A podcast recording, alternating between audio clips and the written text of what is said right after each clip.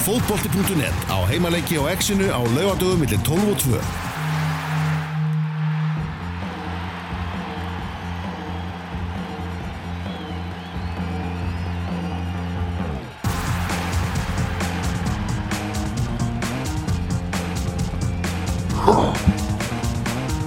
Á förstu daginn verður sparkatilegs í Pepsi deildinni 2018 það er komið að Pepsi ringborðinu þar sem við ætlum að skoða öll liðin 12 sem að skipa þessa deild og ætlum að fara yfir þau í eh, röðinu eftir spáfótbolta.net þannig að við erum að fara að skúpa henni hérna í þettinum, er þetta ekki sattu við það maður geðan?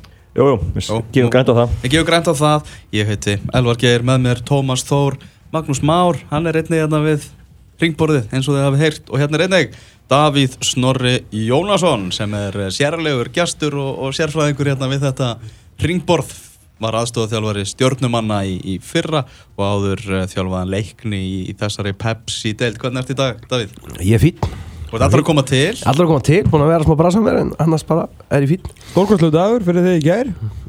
Já, Vengar átt. Já Þetta var, þetta var svona Það byrtir yfir mönnum þegar svona gerist. Það byrtir yfir mjög mörgum, það byrti ekkert sérstaklega yfir mér. Ég var bara verri hann upp á rátinu En þetta, já, já Þetta, þetta kom loksins segja ykkur Jú, jú, vissilega, segja einhverjir. Mm. Við ætlum eins og er ekkert að ræða nánar um vengar í þessum þætti. Við ætlum að fara að kíkja þess á þessi lið sem að skipa þessa, þessa deild sem að hefst á, á förstu dag og þar ætlum við að byrja á liðinu sem að .net Keflavík, Keflvíkingar, það er búið að vera lítið að frétta af leikmannamarkarum hjá, hjá Keflavík. Uh, nánast bara sama leið og þau voru með í, í inkassodeildinni í fyrra, það kemur ekkert óvart makki að þessu liðið sér spáð falli. Nei, þeir ætluðu að gera miklu meira á markaðum Senast að haust voru þeir ætluðu að færi Rasmus og Ólakalla og þess að bita sem voru á lausu en, en fengu ekkert og, og svo lentuðu verið í basli Þeir mistu styrtaðala United Silicon, lokað þá er stansi marga miljónuna sem að fóru þar. Ég held að það gjaldkernu keflaði, það verið fyrir eini sem var ósuttur í Reykjanesbæ að, að, að þeir lokuðu. Og það er bara stór, stór biti og, og þetta kosti alltaf maður peninga og, og þeir bara hafa ekki verið til staðar til að styrkja hópinu að kepla og þess vegna eru þeir bara að fara með því á sama hóp og í inkasso í, í fyrra. Voru reynda með fengu Lasse Riese í júliklunum fyrra sem er frábærlega maður hann hefur verið meittur, lítið með þannig að uh, þetta gæti voru, voru þungt sumar í, keflaug Já, hvernig metur þú svona nýliða í deildinni í dag?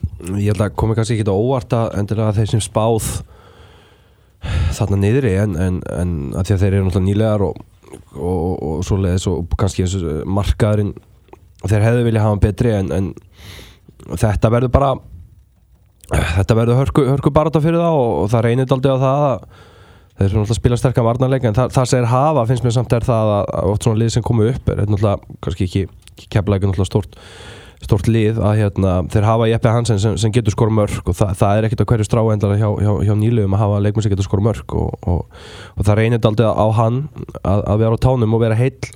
Að samanskapi verða mark í vörninni og, og hólmar að að vera klárar að binda aldrei liðið saman fyrir aftan Jeppe og, þetta reyna aldrei mikið að, að þeir verði heilir og verði í lægi Maður hefur bara einhvern veginn svo oft séð það og, hérna, og getur líka bara að tala um eins og fyrir mittlið að þegar það hefur komið upp sem nýliði eða svona verið í einhverju basli og fengið oft veist, ágætis frammerja, hver mann og getið takja fúsakaupunum á, á sínum tíma. En það getur líka bara verið erfitt að vera með svona gæði eins og, eins og Jeppe frammið því að hann ætla að vera að fá okkur þjónu sem til að skora mörg já. þetta er ekki inkassodeld en hann getur ekki ná í boltana miðjunni og farið og skora vítaspinni og svona það sem hann kannski helsti gallin við Jeppe, ég fíla hann gríðarlega sem leikmann er að hann svona hann verður ansi fljótt frústreraður í fótballtaleikjum Mhm. og, og það er svona, og svona lætur það kannski svona skína aðeins svo mikið þannig að auðvitað góðu leikmaður en, en svona veist hann verður að fá okkur að þjónustu. Ég veit ekki alveg veist hver er eiga að búa til hlutina fyrir hann því að þetta er svona þetta er sama kannski munum- munum ræða með fylgju eftir að, að Frans Elvarsson verður ekki, þú veist hann er ekki betri leikmaður þegar þeir, eru fjallu sko. Þetta er bara Nei, svona brúkæfur miðjumæður sem að gefa sér allan í leikin og, og svona og svolítið stoppar þar. Hvað er Sigurbergur Elísson stattur bara í, í, í sínu ferli bara skrokkur og allt það þannig að það er alltaf mörg spurningamerki fyrir alltaf uh, svona hóp sem er ekki, ekki nógu breyður uh, ég hef ennþá eftir að sjá Sender Kristján Ólafsson svona standuðu því sem að, að kepluingar svona að halda hann sé, þú veist, minna Já. Ísagóli er bróður hans náttúrulega hrikalegt efni. Þeir eru með, bara fyrir það sem ekki vita það, hver Ísak er, þá er hann náttúrulega bara miðvörður sem er fættur árið 2000. Á, algjörlega og þvílít efni, gæði sem að hérna, Leeds vildi fá og hann sagði bara nei núna alltaf að taka bara slæði með, með sínum mönnum og hefur og eitthvað það besta sem þegar hann mun vera kannski landslýsmaður í framtíðinni mun hann tala um tímabilið og tímabilið sem hann spilaði við hliðin á Markma Gósland þegar maður sér hann bara kennónum í hverjum leik og þvílít, mm. maður nýtið þess að vera með skótanum hann en síðan, veist, síðan þegar skilur kemur á daginn þá er þetta 2000 meðverður að spila í, Já, stóru, í stóru deildinni sko. Já, það, það er alveg hreinu og hérna, Ma- Mark þarf að, þarf að er búinn alltaf að hjálpa hann svakalega mikið eins og Á, sagði bara í viðtali hjá ykkur og hann þarf að, hann þarf að halda því áfram og, og þeir verða bara þeir bara að fara kraft inn í þetta Já, þarna lítum að á næsta lið, það er Víkingur Reykjavík sem er hérna í 11. sæti á, í, í Spáni og það kemur ekkert á óvart bara með að við undirbúningstímabilið, Tómas. Nei, þú veist, vissulega ef það er með að við hérna, með að gengi og ekki bara, þú veist, úrslitin þeir, unnu, þeir fengu þrjú stig í, í lengjunni uh, og aðeins fimm mörg fengu á sig, sig tíu í neðsta sæti í sínum reyli þar sem að voru sko, valsmenn voru eiginlega svona eina alvöru, alvöru lið og þeir voru með sko einum fleiri í þeim leik í sko, 70 mínútur eða eitthvað, sko 1-0 yfir og manni fleiri og áttu samt ekki sens og töpuðu 2-1 Mm. fá skella móti, hérna, móti skaganum, tapa fyrir fram þráttur að vera einum fleiri í 30 minn þetta var bara svo ógeðslega léleg úrslit. Já, um, sko þetta er svona, þetta er klálega að skána og það er svona ég skil að fólk og sjálfur náttúrulega hef ég bara náttúrulega horta á leikina það er ekki bara úrslitin sem að hérna, hafa farið í töðunar með þetta líka framistæðan liðin hefur gengið illa að skapa sér færi uh, Rikki T í framlinni bara verið ömurlegur veist, það er ekkit annað orð yfir hann.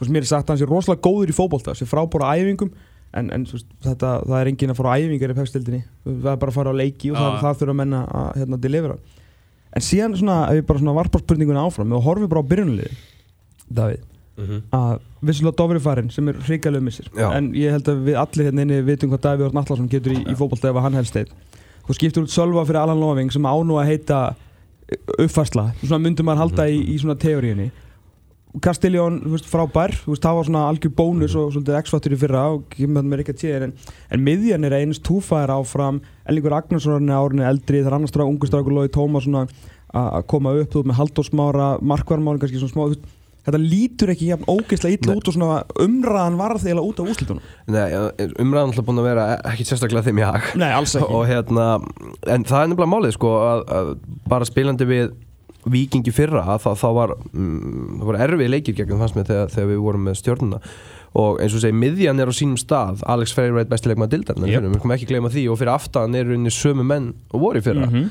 Sölvi, eh, þeir eru alltaf bara að verða að passa það að hann geti spila leikina. Rétt. Og hérna hafa hann og hann á að geta hjálpaði Halldórsmára því Halldórsmára er fullt til brunns að bera sem leikmaður. Mhm. þannig að þá ertu komið með miðju og hafsenda sem er í, í toppmálum. Og svo er Túfa, hann er hæ- mjög hættulegur. Já, bara á, ef hann ennir þessu á deginum getur að vera óstöðandi. Já og það hérna og, það, þeir, þeir væntalega bara spil mun reyna að spila sterkan varnarleik og það, það mun opna svæði fyrir Túfa hlaup í og það, það var bara erfitt að ná honum sko. þannig að auðvitað er markmaðurinn stór spurningamerki og, og senderinn er ennþá stór spurningamerki. Þannig að ég, ég er mörgulegt sammálar, þetta er ekki svona þú veist, eins og umræðan er þá er þetta bara eins og svona, þetta sé alveg Já. hrikalegt sko, en þetta er ekki þannig sko. Nei, þetta, þetta er ekki Þetta er verið hann í vetur, þetta getur alveg smóllið já, já, og einhver megin líka og logi er ekkert að fara á taugum sko Hann er að gera margt annað en að fóra til haugum. Það er það. Alveg er heita klart bóttin maður rúi í gær. Já, það er góðar. En- en- Stalsinni, sjokk.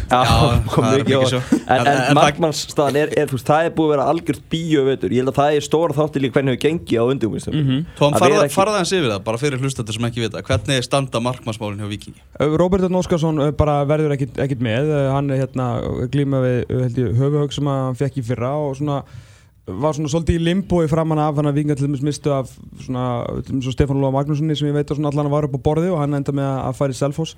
Uh, á endanum til að vera ekki sko, sem ég náttúrulega skil engan veginn af því að það er ágætis og efnilegu strákurinn sem heitir Emil Andri Öðunsson þú veist, engin world beater en bara uppalinn annarflóð strákur og ef hvort sem er að fara siglinni eitthvað undirbúinustímbil þá getur alveg eins nota hann. Hann að, að fá Trausta Sigurbjörnsson var, var einhver vetrakaup sem ég skildi aldrei og Trausti er náttúrulega líka bara í skelvilegu formi þegar hann kom, sko, fínasti strákur en ég meina að hann var bara Þetta, hann var eiginlega að nota þetta sem eitthvað, þú veist, ókipis volklass kort, sko, hann, kom, hann sjálfur komst í fínt stand og bara besta mál en hann gerði ekkert fyrir liði uh, síðan hérna er náttúrulega ákveðið að hann verður ekkert markur liðsins þá kemur hérna Sergín uh, Mbar Mbæi seningalsku markmaður sem að var náttúrulega hörmulugur í fyrsta leikinu svona hefur aðeins uh, hefur aðeins vaksið og veist, það er alltaf að tala um hann. Og tala um menn sem hafa síðan spilað erlendi svona, þá er það bara, ok, þeir eru með svakalega gæjan í höndunum og þráttur að hann starti ekki, þá logi ég alveg ákveðin því að hann vil halda honum, því að hann Ok. telur að þetta sé leikmar, eh, leikmaður og markuri sem getur orðið eitthvað. Uh, og frábær í fótunum. En eins og við, allir vita sem að hlusta mig tala um fótbolta þá er mér drullu sama heila hvort að menn geta sparkað Þú vilt að það hann er ekki það hérna, er eitthvað, eitthvað bras á, á, hérna, á pappirum þannig að ég, eh, ég sko, ég er svona vonast til þess það er styttist en að, en að Andras Larsen frá, frá Lyngby byrji í fyrsta leik sko. Já, og ok. um, það talaði mjög vel um hann Ok, bæði frá mönnum sem ég hef talað við Elendis og hérna, hann var með vingum í, í æfingarferðinni og það er svona vissulega þegar menn eru komnir hans er langt niður, þú veist, þá þarf og lítið til að sjá okkur á vonar glætu og kannski eru menn svona aðeins hæpaðir heldur meira en þeir eiga. Hann er ekki stór en hann er uh, góður með til stangan, hann er mikill leitói þannig að það allt í einu, en hann hefur náttúrulega ekki spilað leik fyrir liði, sko, þú veist, mótsleik. En En það, hann getur það, kannski þetta er þessi sirkus sem er búin að En- svona vera í gangi. Nei, er hann leikamild fyrir fyrsta leik? það er að sé við ekki, Nei. Og ef ekki þá er Emil í þá markinu. er bara Emil í markinu. Það verður, verður fróðulegt að sjá. En, uh, Já, ég, eins og segi Hafið Sölvi í lagi? Sölvi Gróttis, Og hann er Alex- mættur. Verð, og fyrir mér líka túfa. Ég, veist, þessi, þessi gæði þurfa að vera bara on top Já. sem Alex er á, er á hérna, kontrakt ári uh, ég hérna það, ég, með þetta að magna þegar vingar uh, geta einhvern veginn haldið honum. Uh, en svona hans vegna, eða svona, hvað maður segja ekki hans vegna, ég, meira bara svona ég, ég býst fastlega við því að hann fari í, í höst en ef hann ætlar að fá uh, eitthvað svona alvöru, alvöru dæmi þá þarf hann alvöru tímbil þannig að vondi bara fyrir hann og, og fyrir Viking þá skilur hann öðru svona superstjórnu árið til að komast í eitthvað annað ástæra er, er ekki órunhæft að ætlast til þess að, að Sölvi Óttersen sé að fara að spila þú veist, að bara láta sér dreymum að hann sé að fara að spila alla leiki mótsins? Ekki nema að bara passa ég hérna Það er bara að hann spila leiki. Já.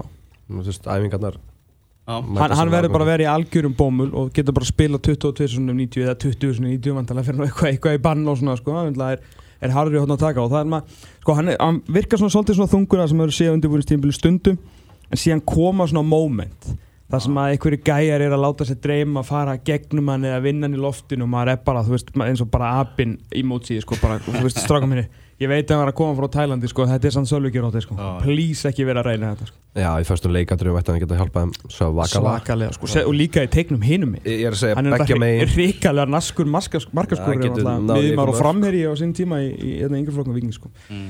þannig að það er svona rétt svona aðeins það sem hann er nú búin að vera alveg á bakinu á þessum blessu vinnu og líka líka ammal í dag og svona. Reyna að vera aðeins smá jákvæður Þetta er hamingju. Já, takk fyrir. það Heyrðu, tíunda sæti, fylgismönnum er eh, spáð því sæti þá náður að halda sér í, í deildinni en með naumundum þó.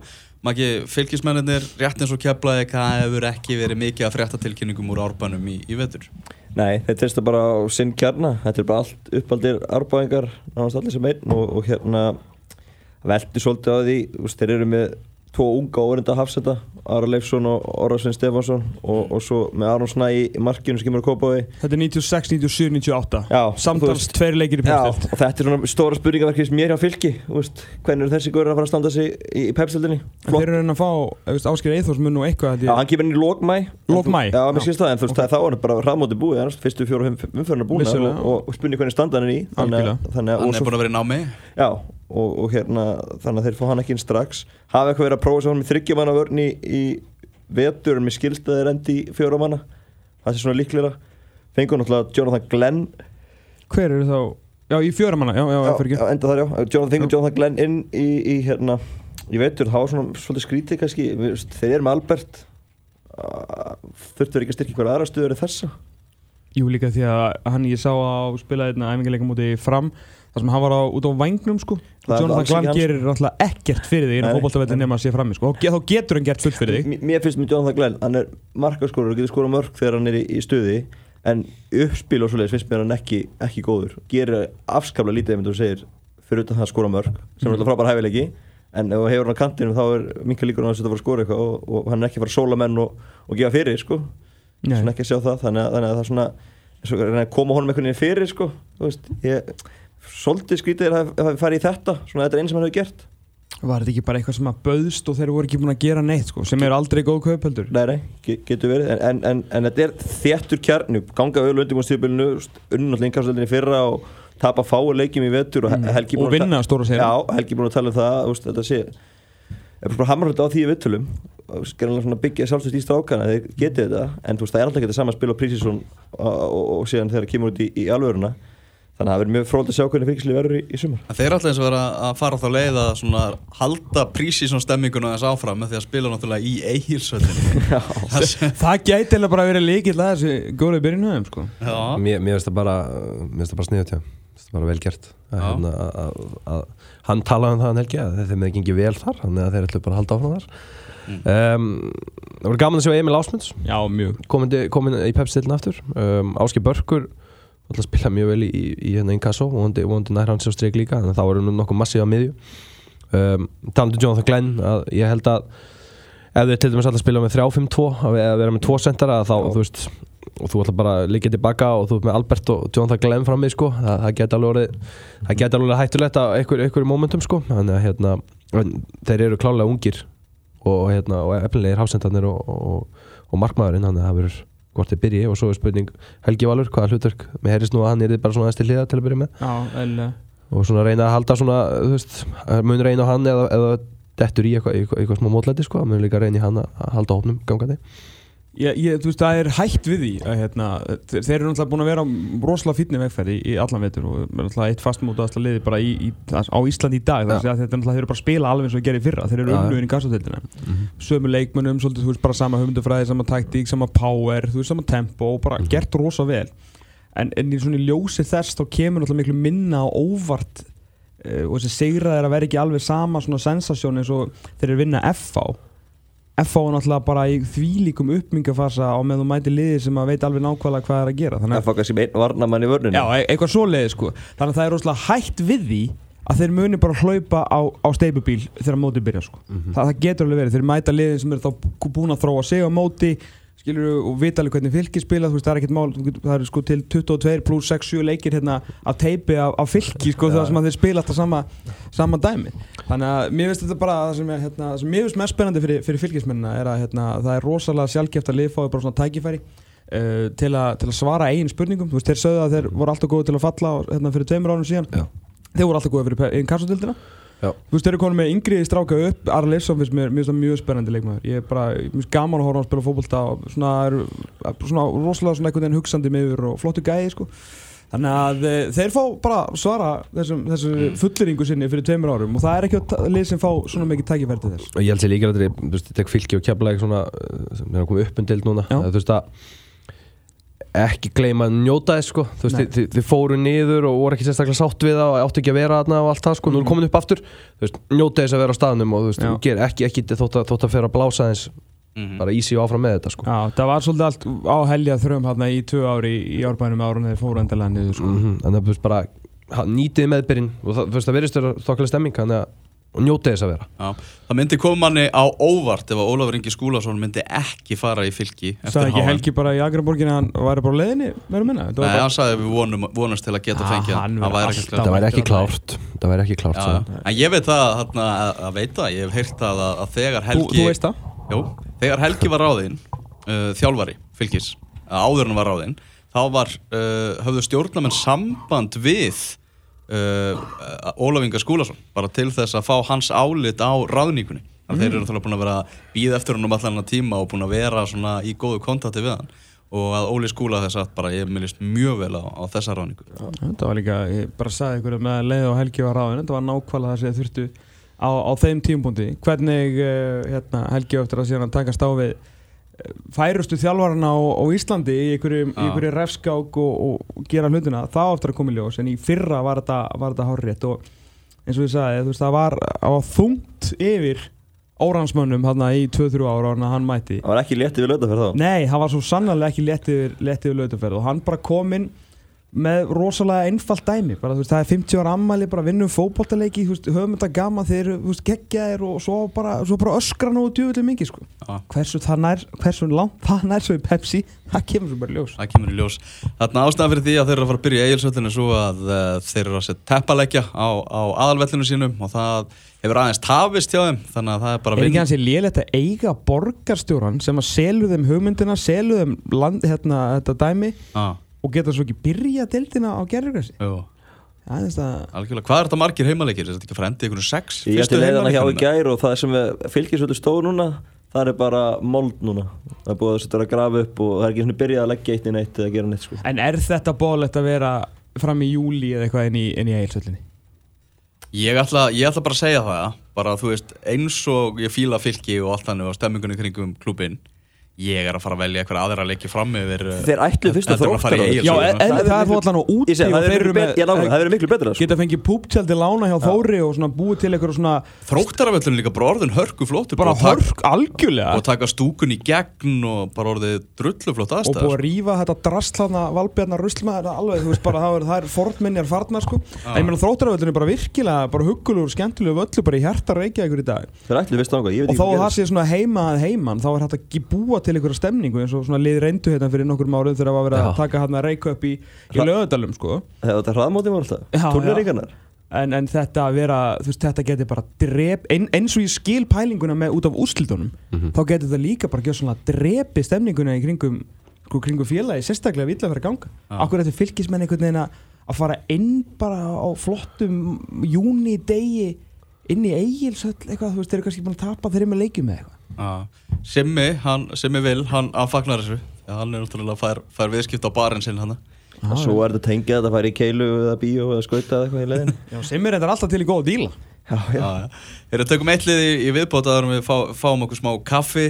Uh, Förum yfir til Vestmanneia, IBVF Davíð, hvað veist þú um, um IBVF liðið núna þegar, þegar styttist í mót?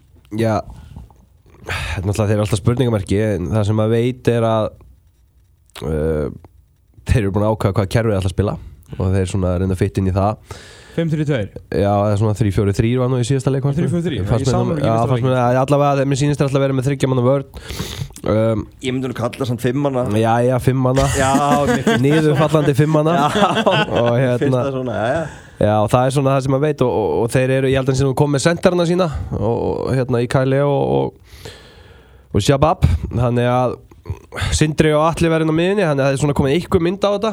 En, en s- þetta er samt Það sem náttúrulega gerði í fyrra, þeir held, heldur svona uppi þegar hann skipti um kerfi í fyrra. Já. og gekk betur sennleita móts, kláruði byggarinn á því. Það var þetta 5-3-2 myndi ég segja. Já, það voru klálega tveir senterar Já. og Kæli og var aldrei skemmtilegur í þeirri stöðu og hann, hann náði að setja inn mörg, mörg og, Shahab líka. Já, og Shahab líka, en, en sérstaklega Kæli því að hann spila kannski ekki, alveg, hann svona, hann fer, hann lætur aldrei góður að láta gleyma sér og, og það er það svona, og þeir vita þokkalag og það er alveg típisk Kristján, þeir vita nákvæmlega hvert á að sparka þegar hérna boltinn er unnin og En það var eiginlega engin betri í þessu kerfi með Kælo í kringu sig heldur en Gunnar hefði Þorvaldsson. Já, já, og Gunnar kom nú inn á þessi sleik Mm. þannig að við skulum, við skulum sjá til með það Er hann, ekki, byrjar ekki Gunnar hefði fyrsta leik? Er hann ekki bara, nennir hann þessu vetur nokkuð lengur? já. Gæti alveg verið En, en, við vitum það, svo er, svo, það er spurning hvernig það enda með varnalínuna ég, svona, það verður Byrju, miðvarða þrennan var nú eitthvað svona? Sigur Arnar Magnússon sem spilaði með KFS í fyrra, ungur eðastrákur David, uh, man ekki alveg hvað hann er, 98 eða 9 Ok. David Priestley uh, miðjumæður, lágvaksinn sem kom til í vetur hann var í hjartanu. Spilaði fyrir miðju. En það gaurið sem leik Brandon í Beverly Hills eða? þekki það ekki. Nei, það var David Brisley og svo var, svo var hérna Dagur Austmann vinstramenn sem kom frá stjörnunni í vetur. Já þetta var miðvar fyrir hann. Við erum Já. missað það frá því fyrra. Hann Hafstur erum að tala um meistar, meistarakefni Já, KSI já, já, já. Hafstur Brím, David Atkinson og McLean já. sem voru frábæri saman hann að sinnlutinni fyrra. Já, með náttúrulega, sko, Þeir færiska landslismanni Jónas Tornes Já. og Felix the Cat vinstra megin, sko. Og Matt Garner líka svona í backup síðan fyrir alla þessa gæða Já, þetta- þeir þökku allir fyrir sig nema, nema hérna Felix. Já, það eru fjóra, fimm farnir, sko.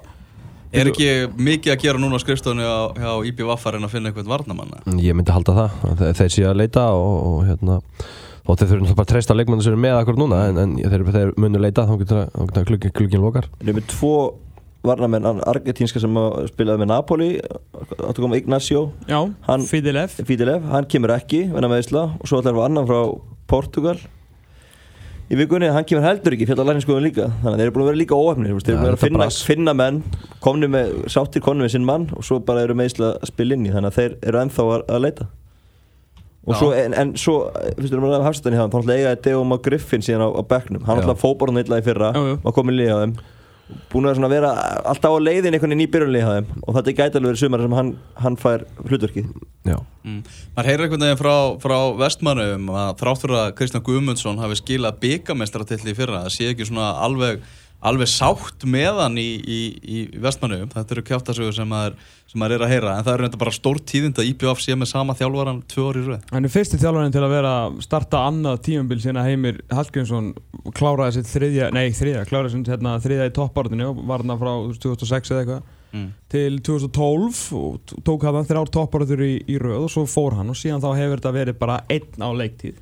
Mm En það er alveg maður hérna, heyri það alltaf frá fleirum og fleirum að, að- að Káki sé ekkit uh, í hávegum hafverðarna sem manni finnst rosalega skrítið að svona vann, þú veist, hann held liðinu uppi þú veist, vann svona stóra og skemmtilega sigra, tók náttúrulega Káer tvisar og pakkaði hann saman og eigamönnum finnst hún fált skemmtilega að vinna Já. og vinnur byggarinn Já, og líka með svona geggjuðum leika móti FH sko. Já, Já, tóku stjörnin undanústlum líka. Já, tóku já, stjórnum var ekki eitthvað annað í sem var ekki, þetta var eitthvað alveg, já, fyrir ekki þetta þetta, þetta Heri, eh, sko eins og, eins og byrjun í hann, þið byrja í, í Kóbóinum sem að, þú veist, minna Kristján Guðmundsson þarf svona fimm daga cirka bát til að setja upp eitthvað- svona eitthvað masterpiece. Hvað er búin að hafa marga daga núna? Hann er búinn að hafa nefnilega fimm daga og svo aðra fimm og Já. svo að, alveg ógeðslega marga fimm daga. Já, síðan sko fjölnir heima káa úti, ok, verður töff fylgir uh, úti, þú veist, það er í eigilsöllinni þetta er bara dauða færi fyrir eigamenn að fara, koma náttúrulega svolítið blindin í móti, líka fyrir hinlinn það er ekki hægt að skáta, þú veist ekkert hvað er að fara að bjóða upp á.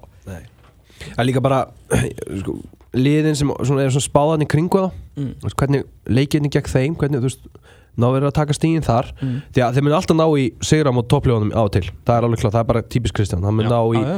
hann mun, þú veist, ná að hérna, setja upp leikin þannig að, að, að þeir ná í stigum. En það er spurning hann að í kring að þú veist, taka réttu leikina.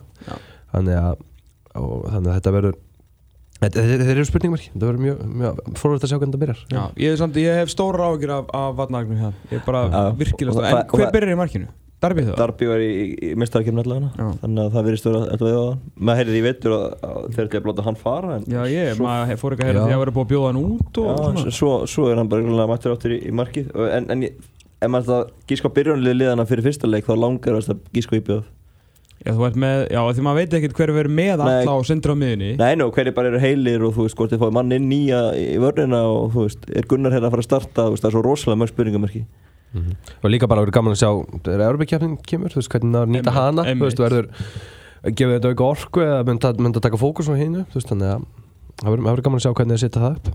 Já, En, en níunda seti, finnst ykkur að ég hef vel í lagt fyrir það, því maður sé svona níunda seti hjá, hjá sum? Nei, þetta er bara því að endur nýja þetta í fyrra og hitti fyrra. Það Já, þá er þetta bara að já. Nei, þú það það er auðvitað Þetta er bara svo mikið spurningamarki Þeir gætu alveg fallið En gætu Geta líka fallið. En þeir gætu líka alveg þú veist, Þess vegna að fara aðeins ofar ef allt gengur upp. Þú veist ekki hvað þú ætti að fara fráfram Nei, það er svolítið málið, hvað þeir eru komið fjögur ári rauð eða ekki eða tíu?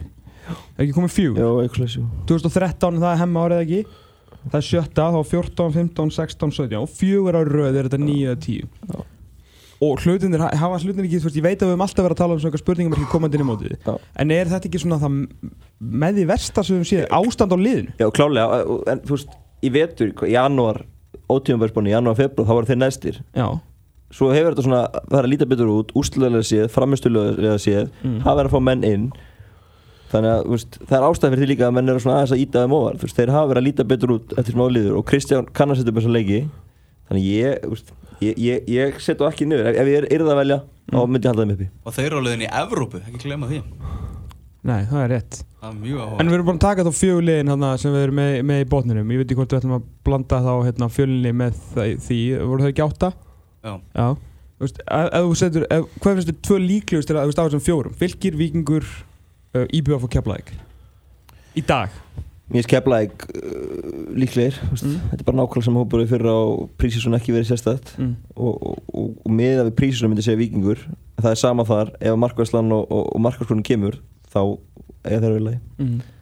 þannig að veist að það sem við höfum í þessu, þetta er kannski svona aðeins opnari bóttpartaldir en oft áður. Já, klálega, það það er er, það er engin svona, þú veist, þú ert ekki að henda bara pottið þetta lið fellur, við erum ekki Nei. þar. Nei, það er engin þar sko. Það eru tvö bara öflug félug, öflug klúpar að koma upp úr Já, einhverjum já, það er málið Eru þið fjölnismenn? Við ætlum að næsta að líta þess á, á þá Þeim er spáð þarna áttunda sæti Deildarinnar, við erum náttúrulega mikið búin að ræða um það Það er svona, það er stemming yfir þessu í, í grafóðinum og þú kíktir nú á, á stöðnismannakvöld Varst gestur þar í, í vikunni? Hvernig, hvernig var það? Það var virkilega skemmtilegt Það voru enda fleiri hann á gullildinni heldur að mættu svona á samtals á þrjá, fjóra leiki Já, fjölnismönnum á síðustu leiktið sem að var hérna Það var bæðið skemmtilegt og eiliti leðilegt að sjá. En það var gríðalur hugur í mönnum stemning. Óli Palli var nýbúin að halda einhverja þrumuræðu og menn voru svona ennþá að jafna sig bara. Já, okay. hérna, bara, ég held að lág við að fólk ætlaði bara að elda hann út og fara með hann í stríð svona með hvernig hann var að tala. Þannig leik. Ég það verið svo sannlega að vera og það var bara virkilega Þetta var svona að maður upplýði þarna svona face to face þar sem maður er svolítið búin að upplýða á samfélagsmiðlum og, og svona að fara á, á undirbúnisleiki með fjöli að, hérna, Já, að stemningin er mikil og hugurinn er, er mikil allan og svona í kringum félagið sem Að vakning. vakning sem er, sem er gott og fljótir að rífið í gang því að mm. gleymið ekki að það er aðeins semst, veru bara eitt tímambil síðan að þeir eru áttur náttúrulega sitt besta tímambil frá uppæðu þannig að þetta var hansi fljótt að fara í vaskinni á, á síðustu leikti þegar, þegar verð gekk endur um í tíu fyrra það er nefnilega svolítið málið sko. þeir Ah. voru rosalega slakir í fyrra og voru bara hefnir um að vera að falla ekki það er bara Ólafsvingar sem að hérna, björguðum frá því með að vera aðeins liðlir já. Já, unnu F og 2 svo það var svona sem er þetta þið sem er enda á það alveg magnað sko. einhver Júkovits það er rosalegt En uh, fjölinsliðin, náttúrulega Reykjavíkumestrar í janúar Síðan hafa úslitin ekki alveg verið jafn góð Hver er skýringin á því, Maki? Það er góð spurning Eh, Fengu liðstil líka beintir Reykjavíkur mestuðurinn Fengu Begga og Gummakalla heim frá FH Og þá Ah. fór alltaf káka á afturfótunum uh, Fór að prófa nýtt kerfi í lengjabögunum Þrjá, fjóra, þrjá. Og spilu líka því á móti breyðablíku sístu helgi. Töpu 6-1 mm, töpuð 2-1 á móti fram sem hefði getið verið starra í æfingarleik sem ég þar sá á dögunum. Þannig að það hefur gengið brösulega í þessu kerfi og, og þeir hljóta að fara íhuga að fara aftur í fjóra, þrjá, þrjá. Og spila bara það sem er kunna. Því að, því að það, þeir eru svona hafa ekki virkað vel í þessu kerfi. Og sem er líka spilað inn í undanförnir og Guðmundsson og, og Birnisson Ringarsson hafa verið meittir Mhm. þeir bestu menn fjölunis í framávið. Það náttúrulega eru mjög stór skörð og í vikunum komum alltaf tíðin þeir ætla að fá hérna Valmýr Berissa Já. sænskan leikmann sem slóði hérna HM 17 ára landsliða. Og ég talaði kollega minn hjá fútbólskanalen í Svíþjóð sem er fótballtöfðunett í Svíþjóð. Sýstur, eh, dóttur, Dó- dóttur, já, dóttur síða. dóttur síða okkar. Og hann hérna og spyr hún díana gæja. Það var ekkert flókið svar. He's shit, fekk ég tilbaka.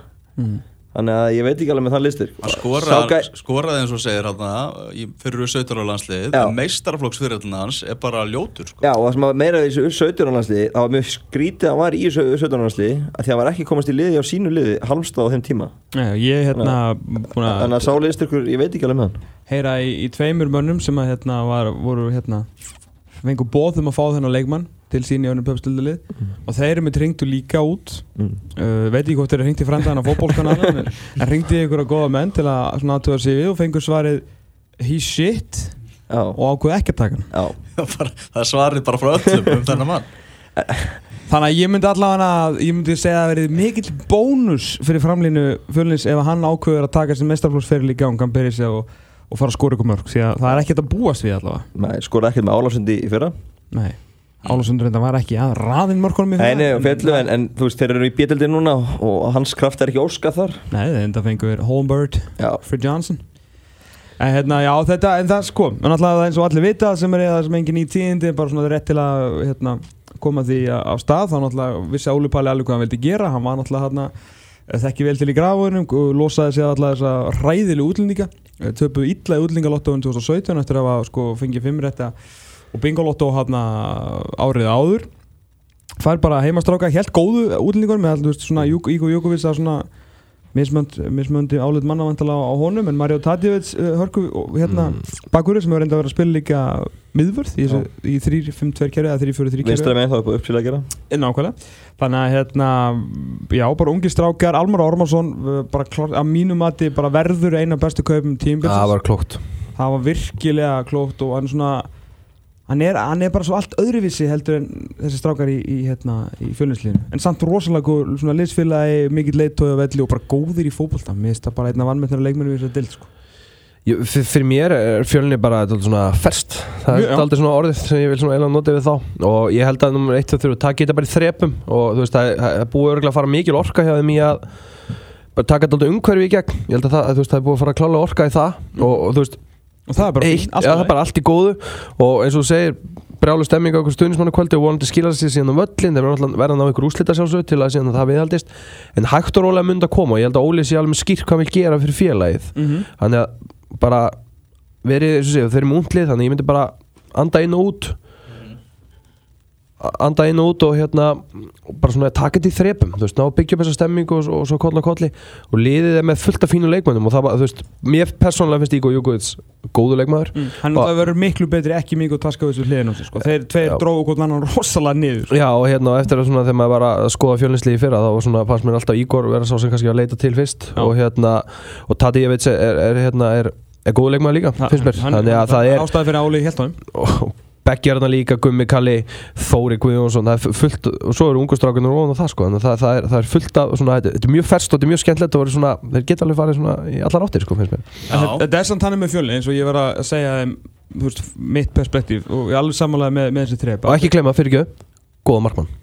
Góða markmann, algjöru uppáhalds sko, sem er líka mikill leiðtóðin og það Já. fyrirleysa liðs uh, með, með fjölinsliða, þetta er náttúrulega hreikalega ungt félag sem má, má ekki glemast en samt er það, og þetta er ógeðslega stórt hverfi. Þetta er hverfi fyrir tvö lið, en þeir eru bara eitt lið. Þeir eru svona svolítið njúkastlu pæsteldarinnar það er bara endalega stórt svæði fyrir eitt lið. Þú veist, það mun, það er hérna ég sagði þetta við þá á þessum stundum um það er óhjákvæmilegt á næstu 10-20 árum verði fjölinir fors í efstu tveimundöldunum bæði kalla ákveðna það er bara allt og mikið af leikmönnum að rúla þannig gegn til þess að gerist ekki. Þetta er bara svona svolítið breyðablík 2 þannig sé sko. Eða næsta útgáfa breyðablík bara í gulum búningum. Uh, ég var að spura þarna hvort að Európa-sæti verður eitthvað möguleik ég sagði nei, það er engin sjens að fjölin verði Evrópu- ekki, bara það er ekki glæta.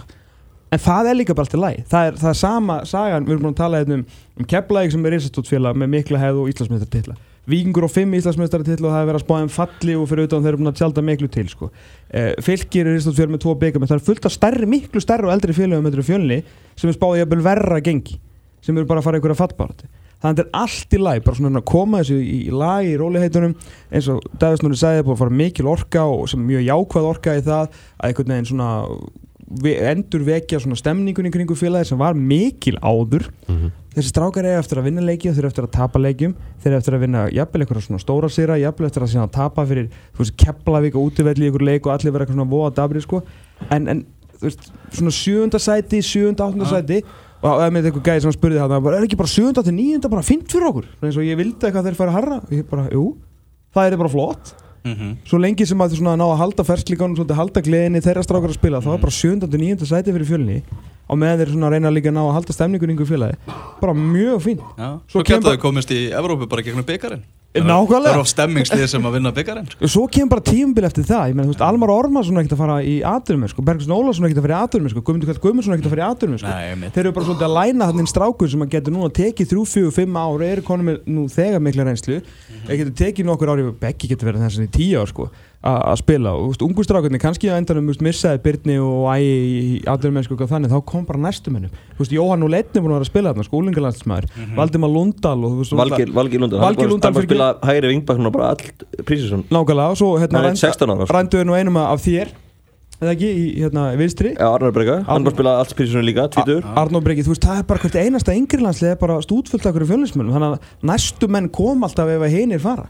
Ég held sér líka orðbærslega margi bara sátti bara að vera í fjölni og gera vel fyrir fjölni sko. Dálítið margi leikmenn það er engin svona um, farin eitthvað í hausnum sko. Og Óli, Óli, að að Óli heldur sér nokkuð skýr með hvað hann vil gera og Já. Gunni náttúrulega með honum að þú veist, það, það dreifur leikmenn með sko. þannig að þú veist, það, þeir, þeir eru alveg búin að selja konsepti held ég ekki, ekki spurning sko Ég er mjög spenntur fyrir fjölni Ég bara held að þetta verði eitt allra skemmtilegasta lið Pepsi-deldarinnar bara í langa tíma sko. Það er eiginlega mín tilvíðin hverjum Erum við vindum okkur yfir til Grindavíkur og þar er uh, náttúrulega maðurinn sem að mun er farin út ve- mun verða Já, verður nefnt nafnið hans ansi oft hins vegar, það er Andri Rúnar Bjarnason. Er hann farin hann er farin úr deildinni og er farin að gera bara flotta hluti í Svíþjóð strax. Þetta Ég, bara ég segi, ég segi sko. Andri Rúnar í starti á HM menn það eru, það eru engar líkur á því að hann skori ekki þrenn. Þetta er rosalegt sko. Nei, ég meina, þú veist, þetta er bara, gleðin heldur bara áfram sko. Þessi saga er náttúrulega bara alveg reynlega mögnuð. En grindvíkikar, þeir eru búin að missa hann úr, úr sínum röðum ekki Jóhann Helgi fengið í, í staðinn og, og hann hefur ekki farið með heimunskautum síðan hann kom. Alls ekki, en, en grindingarna hafa verið góður á Prísisson Þeir hérna tapa bara tveimur leikjum. Það er á móti stjörun í úrslutum punktin embóðsins og á móti val í úrslutum engjabíkarsins 30-10 marketalan Óli Stefán var að tala með því uppbytun hættum okkar í hér var að, var að fara yfir tölfræðina og, og, og hérna þeir hafa verið að gera vel þeir hafa fátt fullt af mörgum en stóðspringin hvað gerist þegar það kemur inn í mótið. Þú veist þeir þurfa að finna sér mörg annar stað sem að Andri skoraði fyrra en það var svolítið einætti fyrra. Andri var svolítið eitt fram í og það var sparkað fram á hann og hann bara sá svolítið um þetta. En Óli Stefán líka allavega sagði við okkur hér að hann hefði bara breytt kerfi liðsinn sem Já. leiðum hann sá hann var heitur. Algjörlega, algjörlega, þannig að nú er það með, með allt öðru þessi upplegg og, og hérna hafa líka tekið til í vörnin, vörnin var mýrleik í fyrra en miklu betur varnarlega núna á undirbúinstíðbölinu, búin að þetta ræðina þar. En hvað og svo eru þeir að leita, þeir, þeir, þeir, þeir fá sér, ég held ég fá sér manni fremst vílun á vörna, glukkilokar lagana, veit ég hvort þeir er fyrsta leik en það verður, ég held ég séu svona Það kemur að nýr skoða. strækjar í Grindavík. Já, ég hugsa það. Sko það sem að heilla mig mest við grindvingina og svona Óla Stefán með hvernig hann er búin að umturna þessu varnarleik hjá þessu liði Þeir fengið þessu 39 mörg í 22 leikjum í fyrra. Samt einhvern veginn að enda í, í 5. seti talandum að vera, vera sko, að það sé gott að vera með framherri sem skori mörg og þetta er náttúrulega á vangi við tölfræði. En í 6 leikjum í, í lengi deildin eða deildin í reyðlinum sjálfum og síðan undanúrstaleikum móti K og árunni fá hann að skella móti leiðinni sem að uh, bara langt bestu í Íslandi í dag. Það fáður á sig tvö mörg Fótboltamörk. Fó, tvö, fyrir ekki, fáðu svo tvö fótboltamörk í sex leikjum. Þar meðal eru FH, Fylkir og Káa Rulli verið F á 3-0 Já, rúlla yfir Fylkir 3-0 Já. og rúlla yfir Káa 1-0 þannig að eh, og þetta eru sko, og miðvara þrennan búin að haldast nokkuð bara heil núna í, í þessum leikjum. Það eru Björn Börbriði uh, besti leikmaður Prísesson kosin hérna á, galahófin okkar fyrir tveimur viku síðan, eða viku síðan uh, Mattias Rödd Freyriksson og Brynjar Áski Guðmundsson hvað er þeir allir samanlegt? Þeir voru hann í fyrra að fá á sig 39 mörg í 22 leikjum hvað fjandinn hefur breyst? Ja, þú veist, fyrir mér að þá fáli sem er með jafn skýrt inn á vellinum hlu- hlutverkin hvað er ég að gera. Það er bara, erum við 100% spilum hérna með fimm manna vörn. Þetta er fimm manna vörn. Og hérna og þeir spila hlutverkin þegar maður var að skoða í fyrra þóttar að fengja og það var samt, þú veist, vísirinn af þessum fannst mér líka hvernig er stóðu og annað og þú veist, hvaða svæði hver átt að kofvera og allt svoleiðis fannst mér vera að mörgulegt og hann er bara bætt í það. Yep. og svo er búið að þjálfa leikmenn að vera betri og ég er aldrei hefðin af því sko að hérna, þarna því. eru sömu leikmenn sem bara orðni betri núna, en svo þetta byrja mótið að sjá hvernig það fer. Jú, jú. en, en þú veist, en aftur á mótið þá hérna þá eru þeir hlutverkarskiptin mjög skýr þetta finnst mér, þannig að þetta verður, þetta verður mjög spennandi að sjá. Og svo jú eru búin að skora mörg en sjáum þegar mótið byrjar. Ég, ég veit ekki, sko 30 mörg í hvað mörg leikjum? Hvað hans nefndi ekki leiki þeir, þeir, skora, þeir skora 13 í, í 6 ef við tökum út enn úsluleikarna út fyrir mengið Þú veist, já, jú, jú, ok, Já, já. þú veist, tvö mörg í leik það er alveg nógu, þú færð á því sko, miklu minn en eitt mark í leik, Já, en, síðan eins og ég veit ekki alveg hver er svona hver á að fara að skora þetta, jú, sko, Jóhann Helgi tilraunin, hún verðist sko búin árun og byrjaði, það eru þrý fjóru leikir síðan að hafa komin á bekkin því miður. Uh, og, og hvað er þá? Renni Jóhannsson þrjú mörg í lengi byggarnum Já, þetta Veigar sko lítið fyrra, hann á á næstmarkastur það er alltaf verið að segja að alls þetta vegar er eitthvað inni. Já. mér finnst hann eiginlega búin að vera dabrasti leikmaður er á prísum sko. Já, en, en þú veist, já, ok. En svo stóðastu með Will Daniels, skilur Óskrifa blað líka. Tvö mörg í fyrra. Já, já, algjörlega. Þannig að það, það, það, þessu segi, ég held ég bæti við einum. Já, En ok, mikilvægt fyrir þetta lið líka að Sam Hjússon verði í standi og sé í lagi. Það er mjög mikilvægt að hérna, hann, hann verði í lagi en, en þeir Rodrigo, eru Rodrigo Mateo náttúrulega vantilega að fara að bara starta mótið og þú veist vera heill. Gunnar Þorstins er mjög góður í vetur. Hver? Gunnar er frábær en ég hef ágjörð því að hann sé að fara í vinstri bængbakur núna. Já, svo er það. að það er vera frábær inn á miðunni alveg bara þú veist þú að dæla boltum upp diagonal bara hægri vinstri og, skora gott markan Já, en sem ég er hrifin að þessu líka þú veist, það er, verðist ekki skiptinu máli líka það kom bara ungi grindvíkar, Marinoxli fyrra Nemanja Latinovic í vetur. Þeir bara smeltpass inn og spila svo England sko, veist, það- Óli, næri einhvern veginn best bara- út af þetta er- öllum. Þetta er svo- skipulagt að það falla þeir inn sko. ég meina eh, Nemo uh, eins og hann er kallaður uh, Nemo Ladinovic hann verður engu en Aron Robertson sem átti algjörð breykvátt alveg það í og svo er einn leikmaður vilti sem búin að nefna hann alla í hópnum með hann nema Kristján Jæjalo í markinu. Já. það er alltaf bestu markmanni deildarinn líka. Og er með góða spilnu fram völlin veit þú ekki af því en þeir, þeir grættu mikið af Hann því er í fyrra verja, þannig að það er Já, alltaf hann líka verja. Þeir grættu mikið af því í fyrra, sóttu hratt þú veist. Hann er, ég fíla að gera þess að sparka með Já. það Mér er drullu saman hvort þið getið ítt honum út fyrir teik sko. Já, ég skilji En þeir voru hérna, það var líka vopni í fyrra og mjög góðu markmaður. En, en bara þeir, þeir eru bara sáttu við að standa í vörn það er, oft Það bara lykilatriði, það er sko. aldrei líkilatri sem við dröfum þetta saman þeir eru sáttu við að standa í vörn, þeir vita hlutverkin sín og það verður bara erfitt að fara í gegnum það Mm. svo, slýsast alltaf einn mörg Það eru Já. 2-2 í fótballtaleiknum í Solomon Rondon að jafna metin fyrir West Bromwich Albion á 88. mínútu eftir að Liverpool komst í eh, 2-0 en við erum að tala um pefstildina hann að Já. hverjum er ekki sko. Herru, já, já fyrir mig. Breiðablík Já, þar er komin góðvinnu þáttarins Gústi Gilva mættur var náttúrulega þetta með okkur í, í síðustu viku. Og sem að hann er eini þjálfari hendur í sögunni sem að stefnir ekki á topp 3 heldur 1, 2 eða 3 Já, 1, 2 eða 3 Hvernig þér á þetta markmið hjá Gústa Davíð?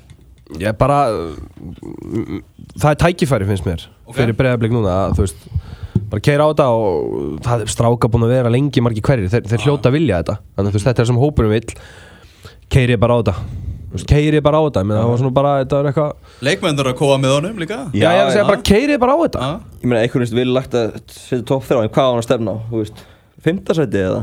Auðvitað bara að fara þangað, ég meina, þú veist, þeir voru sjöttasæti fyrir og það voru vombriði á hann Ég samanlega Davíð, það bara setja marki hátt og, og sjá hvað ég þessi stakar spunni Það meðast bara alveg að fyndi að stemta á 1, 2 eða 3 Já, já, já, já, já. Ég er mjög er sko. Þetta var bara Európa Nei, bara hvernig hann orðaði það, það sem já. er bara aðalega að fyndi sko. En ég Einn, tveir eða þrír. 1, 2 eða 3 Já, toppir á Nei, 1, 2 eða 3 Þegar ég fekk hann að Gísla Egjóls og Artur Ara í podcast þarna um daginn Já, uh, spurði þá bara getið þið endað ofar heldur en Valur? Og það var ekkert uh, það var bara strax já. Já. Og, og Artur sagði bara þetta var auðveld spurning. Artur sem bæði vegi er orðin bara hann er eitt besti og skemmtilegasti viðmælandi Pepsi-tildina Já, er hann er alltaf komið hérna til mín þegar þú varst það einum af einmitt. 17.000 fríónuðinum að, að hérna, vinnuferðin fyrir ekki að uh, þá var mitt komin hérna að vera að greina frá skýsla hann var virkilega skemmtilegur. Sko, ver, ég, nú er ég að horfa hérna byrjunlið hjá, hjá Breiðabliki í leik einmitt á móti Grindavík sem við erum að spá hérna sæti fyrir neða á.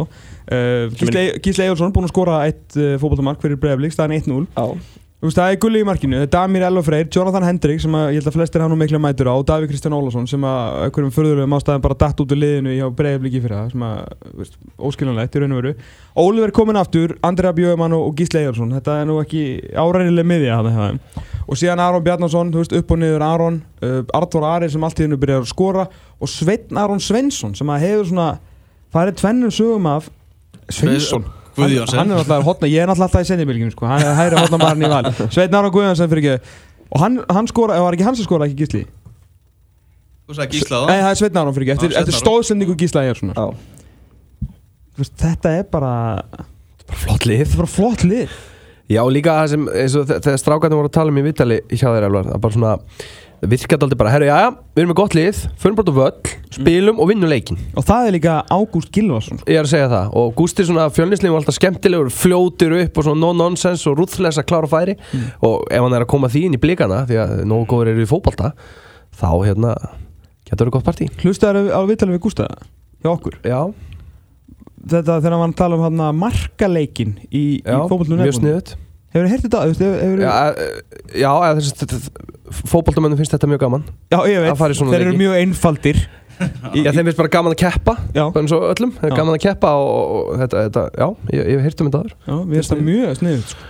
Þeir eru alveg röðin. Ég skilja hvernig mann gerir þetta ekki í Pepsi En já, Já, ég, bara svona, þú veist, það er ekkert annað en bara í stöðunni. Við þú veist, keirum bara á þetta, sjáum hvað gerist. Það- Við erum með hóp, þjálfarinn vil gera þetta, leikmennin vil gera þetta bara Gústar Ég held að þetta verði aldrei bara svona, herru, för bara út og, Já, og let's go Svo er sp- spenntur svo hver, hver þessi gaur er, hver leiningkallin er sem maður Gústi er að tala um að það bæta við Hör, já, það, hérna, það lítur Hann að lofaði frammeri, því. ekki? Jó, það er nú líklegt, en bara spurning Hvað segirðu?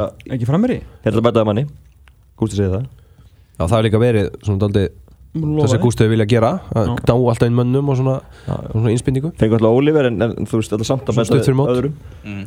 Uh, Gulli Gull það er náttúrulega komin einhver ár síðan að menn voru fartar eitthvað að spá því að það væri komin einhver þreita í hann, hann er ennþá í, í, í markinu. En ég meina hann er mannlegur, það hlýtur að koma einhver tíman að hann fara, fara að gefa eftir. Já, veist, sagan í vetur hefur verið það að tími hafi náð honum. Eh, ég er bara svo eftir að sjá það þegar hann er búin að reyma, þú veist, það er engin Menn hafa áður dæmt hann þannig Þannig að þú veist Nei, það er enda, finnst mér ekki, ekki? nei, alls ekki. Þetta er svona fyrst sem maður hefur heyrt þetta á einhverju viti. En ég bara, ég ætla bara að sjá það er komin í pepstildina Það er engin, hann er 42 ára eða eitthvað og þetta er alltaf, það er alltaf eins og jólinn sé að byrja sko. Það er engum sem finnst skemmtilega að spila fótbolt í heiminum heldur en gulla gull sko. Ég hitt hann um mitt á leiknum í meistarakjarninni sko. Maður svona að skeina af honum. Og þarna var bara Þetta er að fara að byrja. Pepsi-dildin er að fara að byrja sko Ég veit það, hann hann er alltaf Þetta er rosalega. Að fá náttúrulega Ólifur inn er, er náttúrulega gott og, og ég veit ekki hvað það á að segja gott og slæmt eða það er kannski, of, þá er ég meina ef að bóta glömpa allt inn í ringin, hann getur farið hvernig sem er. Já, en sem miðja er svakaleg Gísli, Andri Jómann og Oliver. Mm. Já, hann er allavega þetta núna. Það er rétt. Og, hérna, og þeir getur byrjað mótið þú veist, hann veitir svona innspyttingu í þetta og þeir getur byrjað mótið að krafti og það kemst kannski upp einhver stemming. Mm Já, Samningurinn er fram í júli, eða ekki? Þeir haldum allan langar til þá. Heldur sér þannig Þannig að þeir, hann, hálft móti er allan með við það Þannig að ég, ég held að hann er eftir að styrkja þetta mikið Já, verður þannig gaman að sjá veist, Gústa Púst blikalið. Það verður eitthvað, held ég, allt annað á öðruvísi heldur en uh, það sem þeir eru búin að vera að sína okkur hinga til, sko. En það er náttúrulega líka, náttúrulega náðast árangur, sko, þú veist, alltaf svona, að þeir er svona talað um og þeir eru að talað um að líka sjálfur uh, leikmenninir, hvað svona er fínt að fá Gústa sem er, hvað að segja, svona einf, einfaldari þjálfari, svona heldur svolítið í grunngildi einfaldleikans í, í fótboltan að, að, að einhverju leiti, á að setja hann eitt niður, ég meina, ná bara flottum árangri.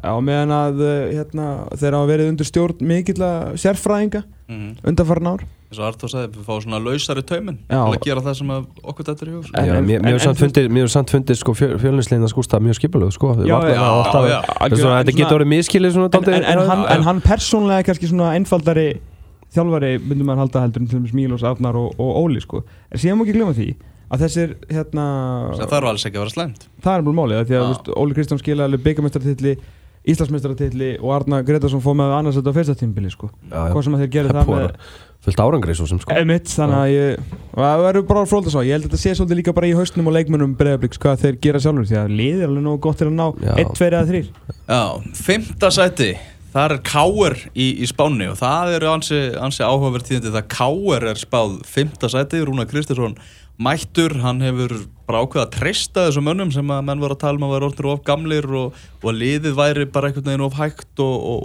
óspennandi. En þetta hefur ekkert verið skemmtilegt þetta hefur ekki verið merkilegt í vetur Davíð hjá, hjá, hjá Káur Nei, og hann kannski bara, mér finnst hann tala ég veit tala um daginn, hann bara svona að reyna að prófa sig áfram, hann verðist vera mjög rólegur yfir þessu og ég held að náðu svona umtalið þannig að þeir verði ekki þeir verði ekki sérstakir og eitthvað svoleiðis og þetta sé eitthvað flatt en, en ég held svona ég held að rúna vitalega hvert hann vilji fara og, og með liðið og hægt og rólega myndi endur nýjast en hann held ég að ná að róa allt í, í kringu þá og ég er ekkert vissum að þetta verði jafn slæmt og menn, menn talum sko. þegar, þegar móti byrjar sko, það en veist, þetta hefur ekki kannski verið káir sem við þekkjum En ef þeir, voru ekki onn í fyrra og þeir voru ekki verið onn í vetur Mm. okkur þetta voru onn 27. apríl Nei, ég held bara sko, þegar móti byrjar þá, veist, þe- þeir hafa það miklu trú á þjálfarunum held ég, skilur og svo er fullt af leikmennum með reynslu þarna, þetta er bara spurning hvaða lið endalega inn á vellinum að, að þetta getur orðið svona, veist, kannski fer þetta hægt á stað en ég held að þetta svona haldi sjó allt tíðanbili ég held að, ég held að með ekki, ekki gleyma káir í mjög Nei, Rúna sagði það, var bara hreinskilið með það að náttúrulega KR er ekki í Evrópukeppni, þannig að þeir fengu ekki Evrópupenning og, og hann sagði það nánast að hann hefði þurft að velja bara á milli þess að fá Tobias Thompson eða takk inn Hafsend og hann hefði ákveðið að velja Hafsend í, í þeim, þeim efnum. En þessi Hafsend, uh, hvað getur hann Tómas, hvað vitum við um- um hann, þennan Norður Íra sem eru búin að fá í hjarta varnarna? Ég á ennþá eftir að sjá hann en það sem ég hef heyrt uh, er það, ég eiginlega bara heyrt um hvað hann er góðu karakter og hvað hann er flottur á æfingum þetta svona að drífa menn áfram og, og fá náttúrulega nummer 1 og 3 talanda í vörnina. Og náttúrulega Rúnar reynda að sagði það sjálfur. Ekki sinni Rúnar myndist á hvort hann geti nokkuð skapað hluti í fótbolta sko. Óskar Örd sagði kannski ekki besti fótballtamæri heimi en, en hann, hann gefur okkur þvílitt mikið. Já, ég, ég efast ekki um það og þá, þá var andan það klálega talanda. Það er svo ekki eins og þeir séu alveg síkjammandi hann Skúli og Aron Bjarki og svona þessi gæri þeir eru öðruvísi leikmenn sko. Já, maður kannilega leita að þessari típu Ekki og spurning, ekki að spurning. það er, það er jákvæmt Já, það er jákvæmt en síðan þarf líka að spila fótboltalíki Já, en, en, en þetta hefur verið flatt áfram í vetur eins og ég fyrir sjömörk í fimmörgjum í lengjuböggarnum 0-0 á móti fylki á Spáni 1-1 á móti kepla ekki í gær. Þetta er eitthvað flugvöldasýningar Nei, og hvað, ekki 0-0 á móti Magna eða? Jú, 0-0 á móti Magna fyrir norðan. Og það hefur verið að prófa sér árum. Var ekki að spila 4-2 um daginn 4-5-1 í gær eða 4-3 Þú veist, það er- þeir eru að prófa, grunnlega ekki búin að ákveða alveg hvað er alltaf að gera Vanta Óskar Örningi er að meittur, hann verður einnig líklega með á móti vala á föstu daginn Kitty Jóns var á kantinu þá, mm. Gunnar Þóri í bakverði. Þannig að veist, það vantar kannski meira kreatífi í þetta og skapa meira. Vantar bara, vantar fleiri menn með skemmtanagildi Það er eiginlega bara þannig sko, Óskar Örn náttúrulega geggjaður og svona, það vantar fleiri menn einhvern veginn, finnst mér í káaliði, sem að svona geta einhvern veginn bara allt einu brotist út og, og gert eitthvað. Já, já, ekki, ekki spurning sem fær fólk til aðeins að standa upp úr sætinu á káarvellinum sko. Pablo Punic er ekki verið að gera það? Nei, Kristinn Jónsson þarf svolítið að rífa sig í gang aftur og þú veist að vera Kristinn Jónsson hvað, fyrir tveimur árum eða tveimur þreimur eða eitthvað og hann ætlar að gera og fá líka svolítið að spila sína stöðu. Björgur Stefánsson svona finnst mér alltaf einhvern veginn meira og meira og meira og meira og meira, meira spurningamerki sko, maður er farin að efast um að hann Becknum í ekki, Já, ekki. ég er farin að efast um að þetta þessi svona sem hefði getur verið skemmtilegustu kaup tímbilsins verði nú bara verði nú bara ekki neitt neitt. Og maður svona Man, maður óttast það. Ef ég, ef ég ætla ekki að setja pening og eitthvað þetta myndi segja að Björgur Stefánsson klára tímbili með eitthvað öðru liður en káar okay. það, er- það er svona eins og Já. ég líti á þetta í dag. Uh, þú veist, já ég bara þú veist, ég kalla Rúna Kristinsson frábæran ef hann getur gert eitthvað að viti með þetta lið þá er ég meina káur viti með þetta lið sem er eh, ekki minna. Mm -hmm. og líka ef hann næri einhvern veginn allt í hennu bara að finna einhvern neista og láta þess að menn fara spila einhvern dundu fótbolta og vinna einhverja leiki. Því að markverður finnst mér ekkert, ekkert frábær. Varnarleikurinn finnst mér svona spurningamerki fram á veði og Óskar Örn er ekki stuði þá veit ekki hver er að gera hlutina. Já, Bjergard og, og Kenny Choppard veist að það er kraftur í þeim en það er ekkert einhver svona brjálæðislega tækni. Þú veist ef að Choppard fær boltan í svæði út á kanti og getur hann tekið hann snúi og svona keirt á menn. Þú veist það er svona hann er svona kannski eini ásand Óskari svona, svona sætisklapparinn í þessu liði. En stólaklapparinn. Já, Finnur Orri, Pálmi, Pablo þú veist ég þetta, geta alltaf verið sami maðurinn fyrir mér sko. Mhm. Þetta, og eitthvað og eitthvað döl sko. Já, ef ekki að vinda okkur bara norður kannski komið að að það endaði 2-2 í viðurreiknum Esbrófits Albion og Liverpool. Það er ekki eitthvað að borga þetta með, ekki að taka auðlýsingarnar og fyrir mig top 4 Jú, eh, gerum það, gerum það. Þakkum Bubba Mortens fyrir hans eh, innlegg í Pepsi ringborðið á þessu sinni. Alvarkeðir Tómas Tór, Magnús Már og Davíð Snorri. Ég sá Bubba í gerðkvöldi, hann er rektinn í Mosó Hann er rosalega dullur að mæta. Sjátt á það. Já, við fögnum því, við fögnum því. Við ætlum að halda fram að skoða liðin Við ætlum næst að kíkja á Káamenn og þeim er spáð fjórða sæti deildarinnar, ég var nú að hlusta á spjallið þitt við, við, við Káastrákana hérna í podcastinum ekki Það var spurður út í hérna ótímabæri spána þar sem við henduðum í, í annarsætið Já, í síðustu ótíðan bara spáni Þeir svo að það hefði ekki verið mikil umræð um þetta á Akureyri.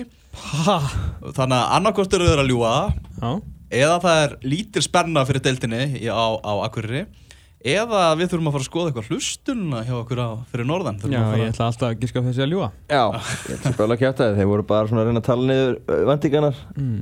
en, en það er sem er spurning hvernig vendingarnar eru fyrir, fyrir norðan Þú veist, Þetta er gott fótballtalið Mm. Getur klárlega að blanda sér í, í bara út eftir liða En erum við bara sáttir að vera kannski í fintarsæti?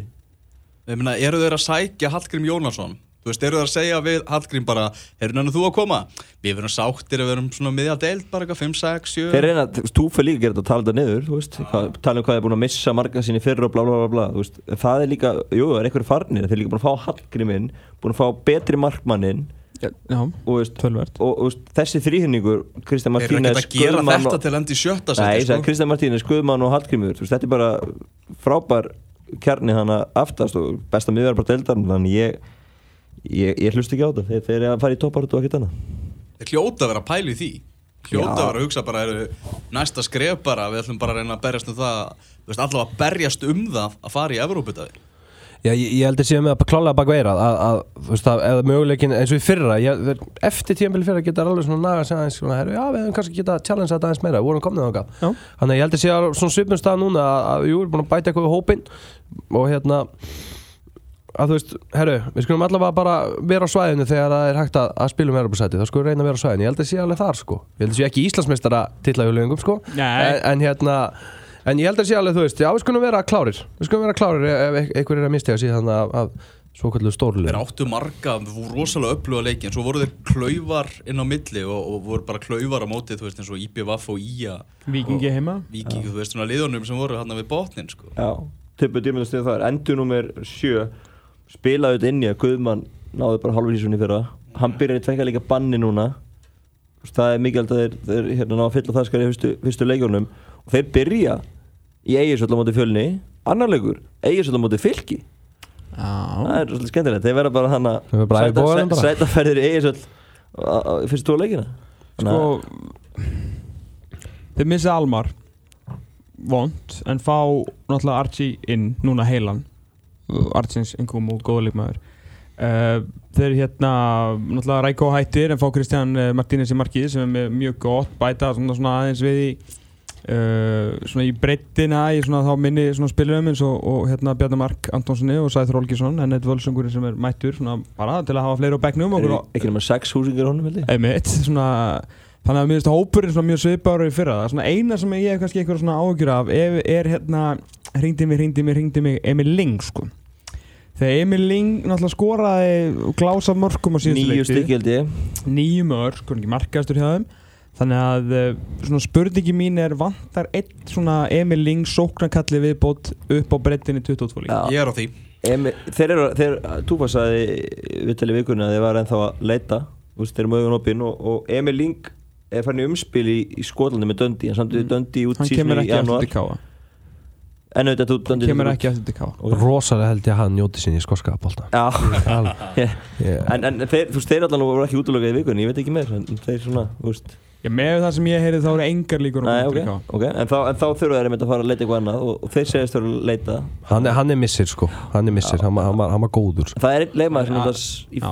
Steinþór fyrir Þorstinsson Já, það, já, ok, ekkert hann getur bara komið inn fyrir Emil Ég það, sko. ég, er ég veit ekkert hvort ég sé að tala um þú veist, 10, þú veist, 7, 11 eða 9 fattur. Það er bara einhvern meiri slagkraft í sóknarleik. Algjörlega, algjörlega. Þú vilt hafa eitthvað eitt vopn en Eitt og eitt oflein En þessi húsi, En Áski Sigurðsson, hvað er hann er bara meittur og Já, er ég veit, en- klár í fyrsta leik. Hann klóri fyrst Já, Já, það er og, og þessi, þessi húsiska þrennaðana frammi Ásker, Elvarni og Hallgrimur þú veist, það eru alveg mörg þarna.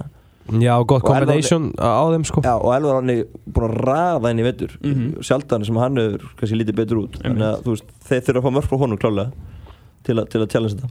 Já, ég held að Guðmanni eftir að eh, þú veist, eh, þessi- Þetta miðvara para bara eftir að vera frábært Því að þegar Guðmann fer að Guðmann át á miðum velli Svona, svona farin, að, farin að leiðast í leikjum Og hann, þú veist, vill fara að tækla ykkur Þú veist, þá er Hallgrímur Jónasson tilbaka sko, þú veist, svona, til að til að svolítið að græða þetta. Hallgrímur Jónasson er eins og hérna, samsetningu sinn sko, hérna, Pálmur og Pálmarsson að koma inn, það er pælt í þessu þetta er rosa fyndið, hann er komin á nákvæmlega sama stað í lífinu og Pálmur og Pálmarsson kom til Káar þeir eru jafn gamlega þeir koma heim og báðir að koma úr, úr flottum klubum og báðir eiginlega eftir sína bestu kannski leiktíð á tíma, það er auðveldur að segja um Pálma út af mörkunum, Já. en Hatti var að starta hvert einasta leik sem hann var heill fyrir Lingby sem var lesanlegt í hvað þriðast í dönskúrúslitin á síðustu leiktíð þannig að hann kemur heim og það er alltaf miklu, miklu, miklu auðveldara að koma heim sem andfótboltamaður eins og varnamaður heldur hann að eiga að bera ábyrða okkur um sóknarþunga, fattur mig? Já, Ég meina það Rúna er- Kristinsson kom heim sem Já. algjör kongur og átti mjög erfitt uppdráttar til að orða það pent. Þannig að Það horfa allir á mörkin og assistin og eitthvað en Þarna bara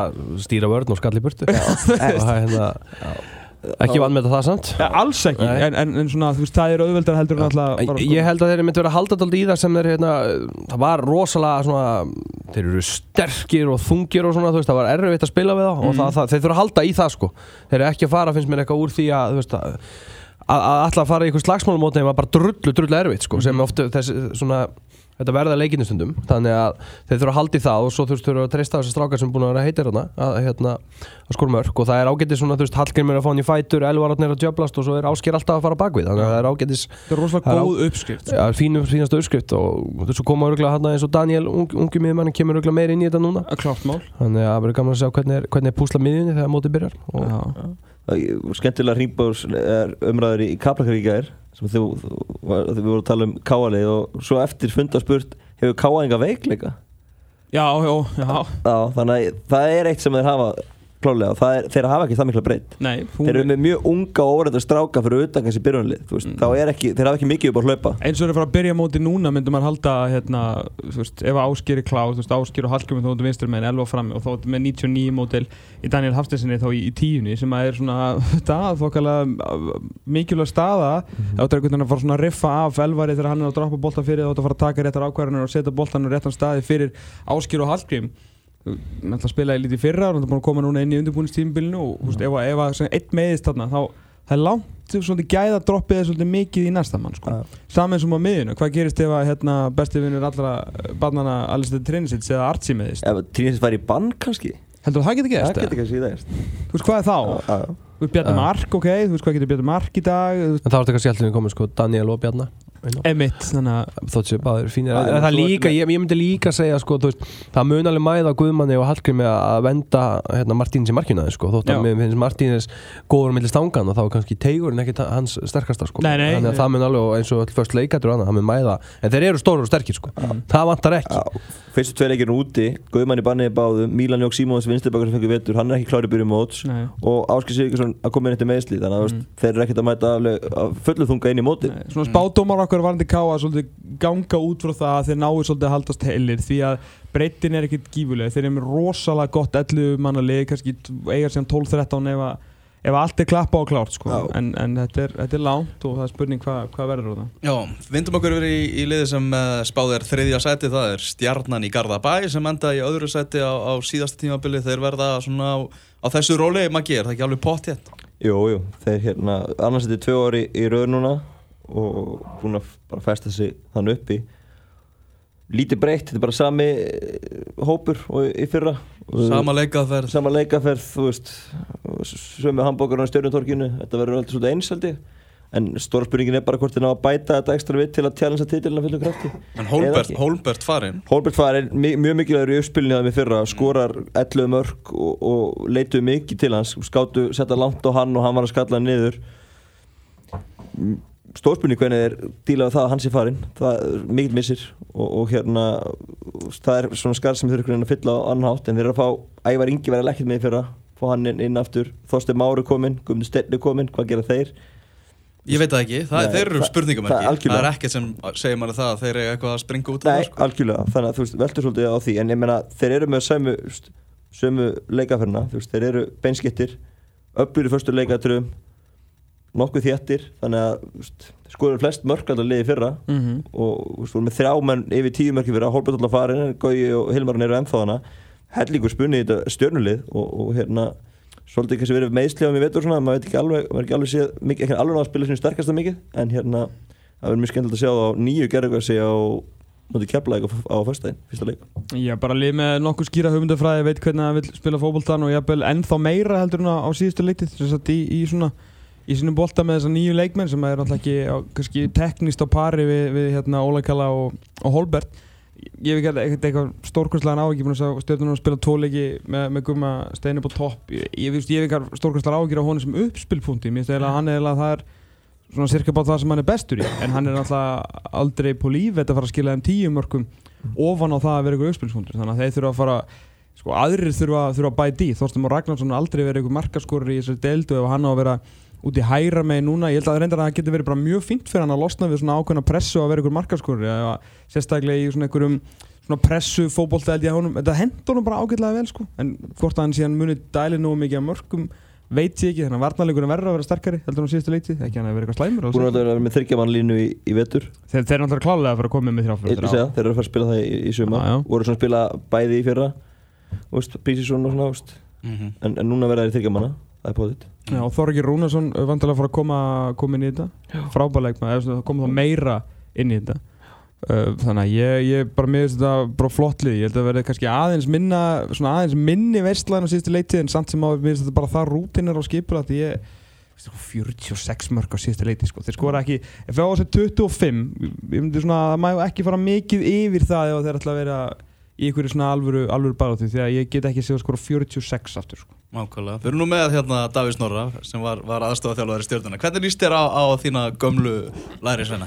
Glata er aðstofþarfan alltaf fyrst og fremst Ótrúlega skipti þar Hérna, mér, mér líst náttúrulega bara vel á þá eins og þeir eru búin að segja mjög rútinara er, þekkja hluturkinn sín það er ekkit, ekkit mikla breytingar og, og, og þeir munu held ég bara að keira áfram á því sem þeir hafa verið að gera það er spurning hvernig svona já, ég myndi, þú veist einfalna fótbolta og allt það en, en, en þú veist, bara beinskiptur það er Mhm, það sem, hérna, það sem, það sem þú veist, henda leikmönnum og, og hérna og, og þetta er svona spurningin þú veist, það eru nokkur hérna svona, það eru ekkert yngjast nokkur. Þannig að það er spurning svona, þú veist, núna er kannski á að, þú veist, það er alveg tækifæri núna til að til að fara að gera eitthvað sko. Þannig að þannig að spurning hversu ég held að leikmannhópurinn sem hungraður þeir eru solid, þeir, þeir þekkja hlutur ekki sín þannig að hvernig nýju leikmanni koma inn er spurning. Þorri er að koma á meðslum hann verður eitthvað með sem er gott Ævar að koma á meðslum líka hann verður með líka þannig að bætast við leikmenn hann að klálega þannig að og, og þeir eiga kostið náttúrulega svo fyrir að geta spila tvö kerfi þannig að þetta verður þetta verður ég held að þetta verður bara nokkuð fínt í gara með þeim. Vegabóll talaði um í, í návi sem ég spurði síðan hérna, Baldur úti að hérna með að vera svona komin nýjir leikmenn svona sem hefðu ekki kannski verið í, í alveg beint í standi eins, og, eins og hann orðaði það þá kannski náttúrulega líka vegna meðsla og svona þannig að markaðarinn kannski blekkir eilítið hjá, hjá hérna hjá stjórninni að því að þú færir til dæmis leikmenn eins og eins og Ævar sem er þá að fara að spila vangbakur er það ekki frekar fram með eitthvað? Ég er eftir náttúrulega eh, ég sko, er að spila með þá sko vangbakur plus kantmann Já, Þú þannig að hann- hann getur leist bæði, leist bæði. Já, Hann- stóru spurningmerkin eru inni, þú veist, fyrir mér þú veist, hvar hvernig verðum vörninni stilt upp hvernig, hvernig, hérna, einmitt, hvernig er framlínu stilt upp þú veist, hvernig endar þetta mm. þú veist, þannig að ég held að það sé svona hvernig er gauði eftir innlandsverðina hérna Gauðin alltaf hefur verið lítið svona með mhm, og gauði er náttúrulega mjög mikilvægur hvernig þú veist ef að Gauji er með, þetta verður svolítið auðvelt að stilla sig upp undarfærið þá getur bara verið með, eins og sérstaklega í 3-4-3, þú getur verið með Hilmar út í vinstra megin, vil ekki Rúnar hafa þar, eða er það ekki svona meira heldur en á miðið, eða? bara getur spila bæði í rauninni það, þú veist, það er ekkit en það, það er þetta geimar að út í vinstra megin, þá getur hún að það kemur fleiri miðmönum inn á völlinu og svo Mhm, náttúrulega gerir bara Hilmar það sem að vill og vinnur Já. verið leiki. En ok, þú veist, í 3-4-3, þú veist, þú veist með þá bara Jóa, síðan náttúrulega Brynja Gauta, Óttar og, og, hérna, og Dannalag sem hefur verið virkilega flottur í, í veitur uh, þá með Jópa vinstra megin síðan Baldur og, og Alex myndi þá byrja mótið og Þorstein, Hilmar og, og Gumma en, en, og koma gauði inn. Já, en síðan þú veist, ef það er í talum sko, þetta þetta verið auðvelt að gera þetta núna meðan Gauji er ekki inni sko. en eða síðan Gummi Steitt og bara orðið þá bara bekkjamatur já, Það er þessi Gaui. segja, það er svona gaman að sjá hvernig það stillur upp. Gauði og kant? Og svo Já, já, já, já. hefur Egil Híðinsson alltaf lítið verið með í veitur Þannig að hann er, hann er mikilvægur. Þannig að það verður- gaman að og vonandi kemst hann að fæta mjög en þetta er samt svona uh, svolítið jákvæð spurningamerki sko. Já, þetta eru að að Klálega jákvæð koma fyrir góðum leikmunum Já, og, með alla heila þá ertu með svakalega bekk sko. Já, þá ertu með fína breytt þar Já, bara góður hópur og góð breytt og, þeir, þú veist, þeir eru bara mjög rútinir því sem þeir eru að gera Þannig að það verður verður gaman að sjá. Það FH spáð öðru sæti og það voru tíðindið voru Kaplakrika í morgun það var, kom staðfest svíi við það að færiski landslismæðurinn Brandur Olsen var í gengin í raðir félagsins frá, frá Randes þannig að Óli Kristjáns þekkir þennan 22 ára miðjumann ansi, ansi vel, hefur spilað með FCK og Randes á sínu ferli, náttúrulega besti fótboltamaður færiðinga þannig að þeir eru svona enna, enna bæta við. Gríðarlega miklar breytingar hjá hjá F-liðinu en Óli Kristjáns talar um það sjálfur að hann sjáu framfarir að þetta sé svona alltaf, alltaf fara í, í rétt átt. Maggi? Ég, það gæti nú ekki svo sem ekki annað verið en það færi upp á við.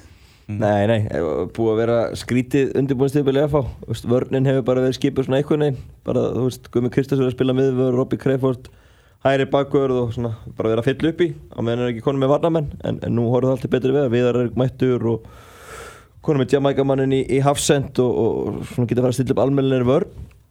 Og, og hérna, og svo kemur þessi brandur núna á miðjun og það verist vera svaka listur því líka sögur bæði frá, frá þess að þekka til í Danmörku og, og í Hvað sagðu þér á fútbólskanalinn um hann? Nei, hann er á Nei, það sportal- er- sportal.fo Já, sportal.f og rjánaði með. Nei, í bæði Færeyjum og Danmörku erum við að tala virkilega um Já, hann ég var að hitta mennina í færiðum og Já. menninni töluðu rosalega Já, vel um varstu að hitsa mennina? Hitcha mennina. Hitsa mennina. Já, þannig að það geti verið, geti verið svakalega styrkur þetta inn að kortir í mót hjá FA og, og, og svo er þetta bara spurning. Jófir Castiljón hann gætist ekkert á prísunum með vikingi í fyrra. Ekki neitt. Vist, er Það hann samt ekki svona lilu Nei, en er hann bara sísongall, meina, Óli Það getur vel Kristjáns verið. Óli Kristjáns talar um þetta bara ykkur hendum hann ekki og, og er er líka búin að vera í árleitlu basli í enga lífinu Já, Þannig að þú veist, auðvitað fer það líka inn í hausuna mönnum Já, og sérstaklega þegar illa gengur. Já, já. En það er svona það nær svona þess að þurkast út og komast á gras og spila í grinda ekki fyrsta leik og góðu grasi. Sá hann í fyrra geggjaður í Pepsi Já, Þannig að þú veist En, en nú er mikið verið að tala um Castiljón og, og hvað hann er búin að vera dapur í vetur og eitthvað Já. Er Kitty Steindós svolítið að að græða á því? Fellur hann svolítið í skuggan bara vegna þess að Kitty Steindós hefur, hefur lítið gert síðan að hann kom en einhvern veginn enginn að ræða það Nei, þú veist, ef maður hefur verið að, hérna, þur, ef við hefum verið svona leiðilegir, náttúrulega, þú veist, það er búið að banna okkur að vera með leiðileg velun, Já. en ef þeir á hérna gala háttegin okkur um daginn, þeir voru með veluna, þeir komið hérna allir og... Vel mætt. og Vel, mætt, mjög vel mætt og voru að taka velu fyrir bestu leikmenn og bestu ungi og markuri og hérna undirbúinstímilinu. mm. Ég, ég myndi segja svona að meira flopp heldur en Castellón á undirbúinstímbili hefur Kristinn Stendorsson það er engin sem er að því ég hef séð Jeffrey Castellón vera lélegan á undirbúinstímbili þetta er ekkert ný tíðindi fyrir mér sko. Já, já. ég er bara að býða eftir að hvort hann kveiki á þessu í fyrsta leik. Já, Óli Kristjáns talar um svona þurra gerfigrasið og hallirnar sé ekki að henda honum sko, sé ekki að gera sig í það. Nei, nei, heldur ekkert eitthvað leikstill FO eða spilamennska þess og það er líka svona svo sem alveg hjálpa til. En uh, í, í þessum leikjum og hvernig hann er að spila þetta er svona ekki alveg verið að fungera allavega en, en svona svo sem hefur allir með mestu vombriðum á undirbúinustíðinbölu heilt yfir öllum með Kristinn Stendarsson sko. Já. vera að spila inn á miðju ég, ég, ég, ég næði því ekki sko en ég er náttúrulega ekki Óli Kristjáns ég er ekki Kristinn Stendarsson bara vinstri kantmaður sem fær boltan og, og býr til hluti eða? Ég hafa byrjað að spila miðjun í Svíþjóð og það er einhver, einhver hugmynd Já, að hann er- því áfram Já, ok, og hvernig endaði það í hann sér? Ha? Gekk ekki ekki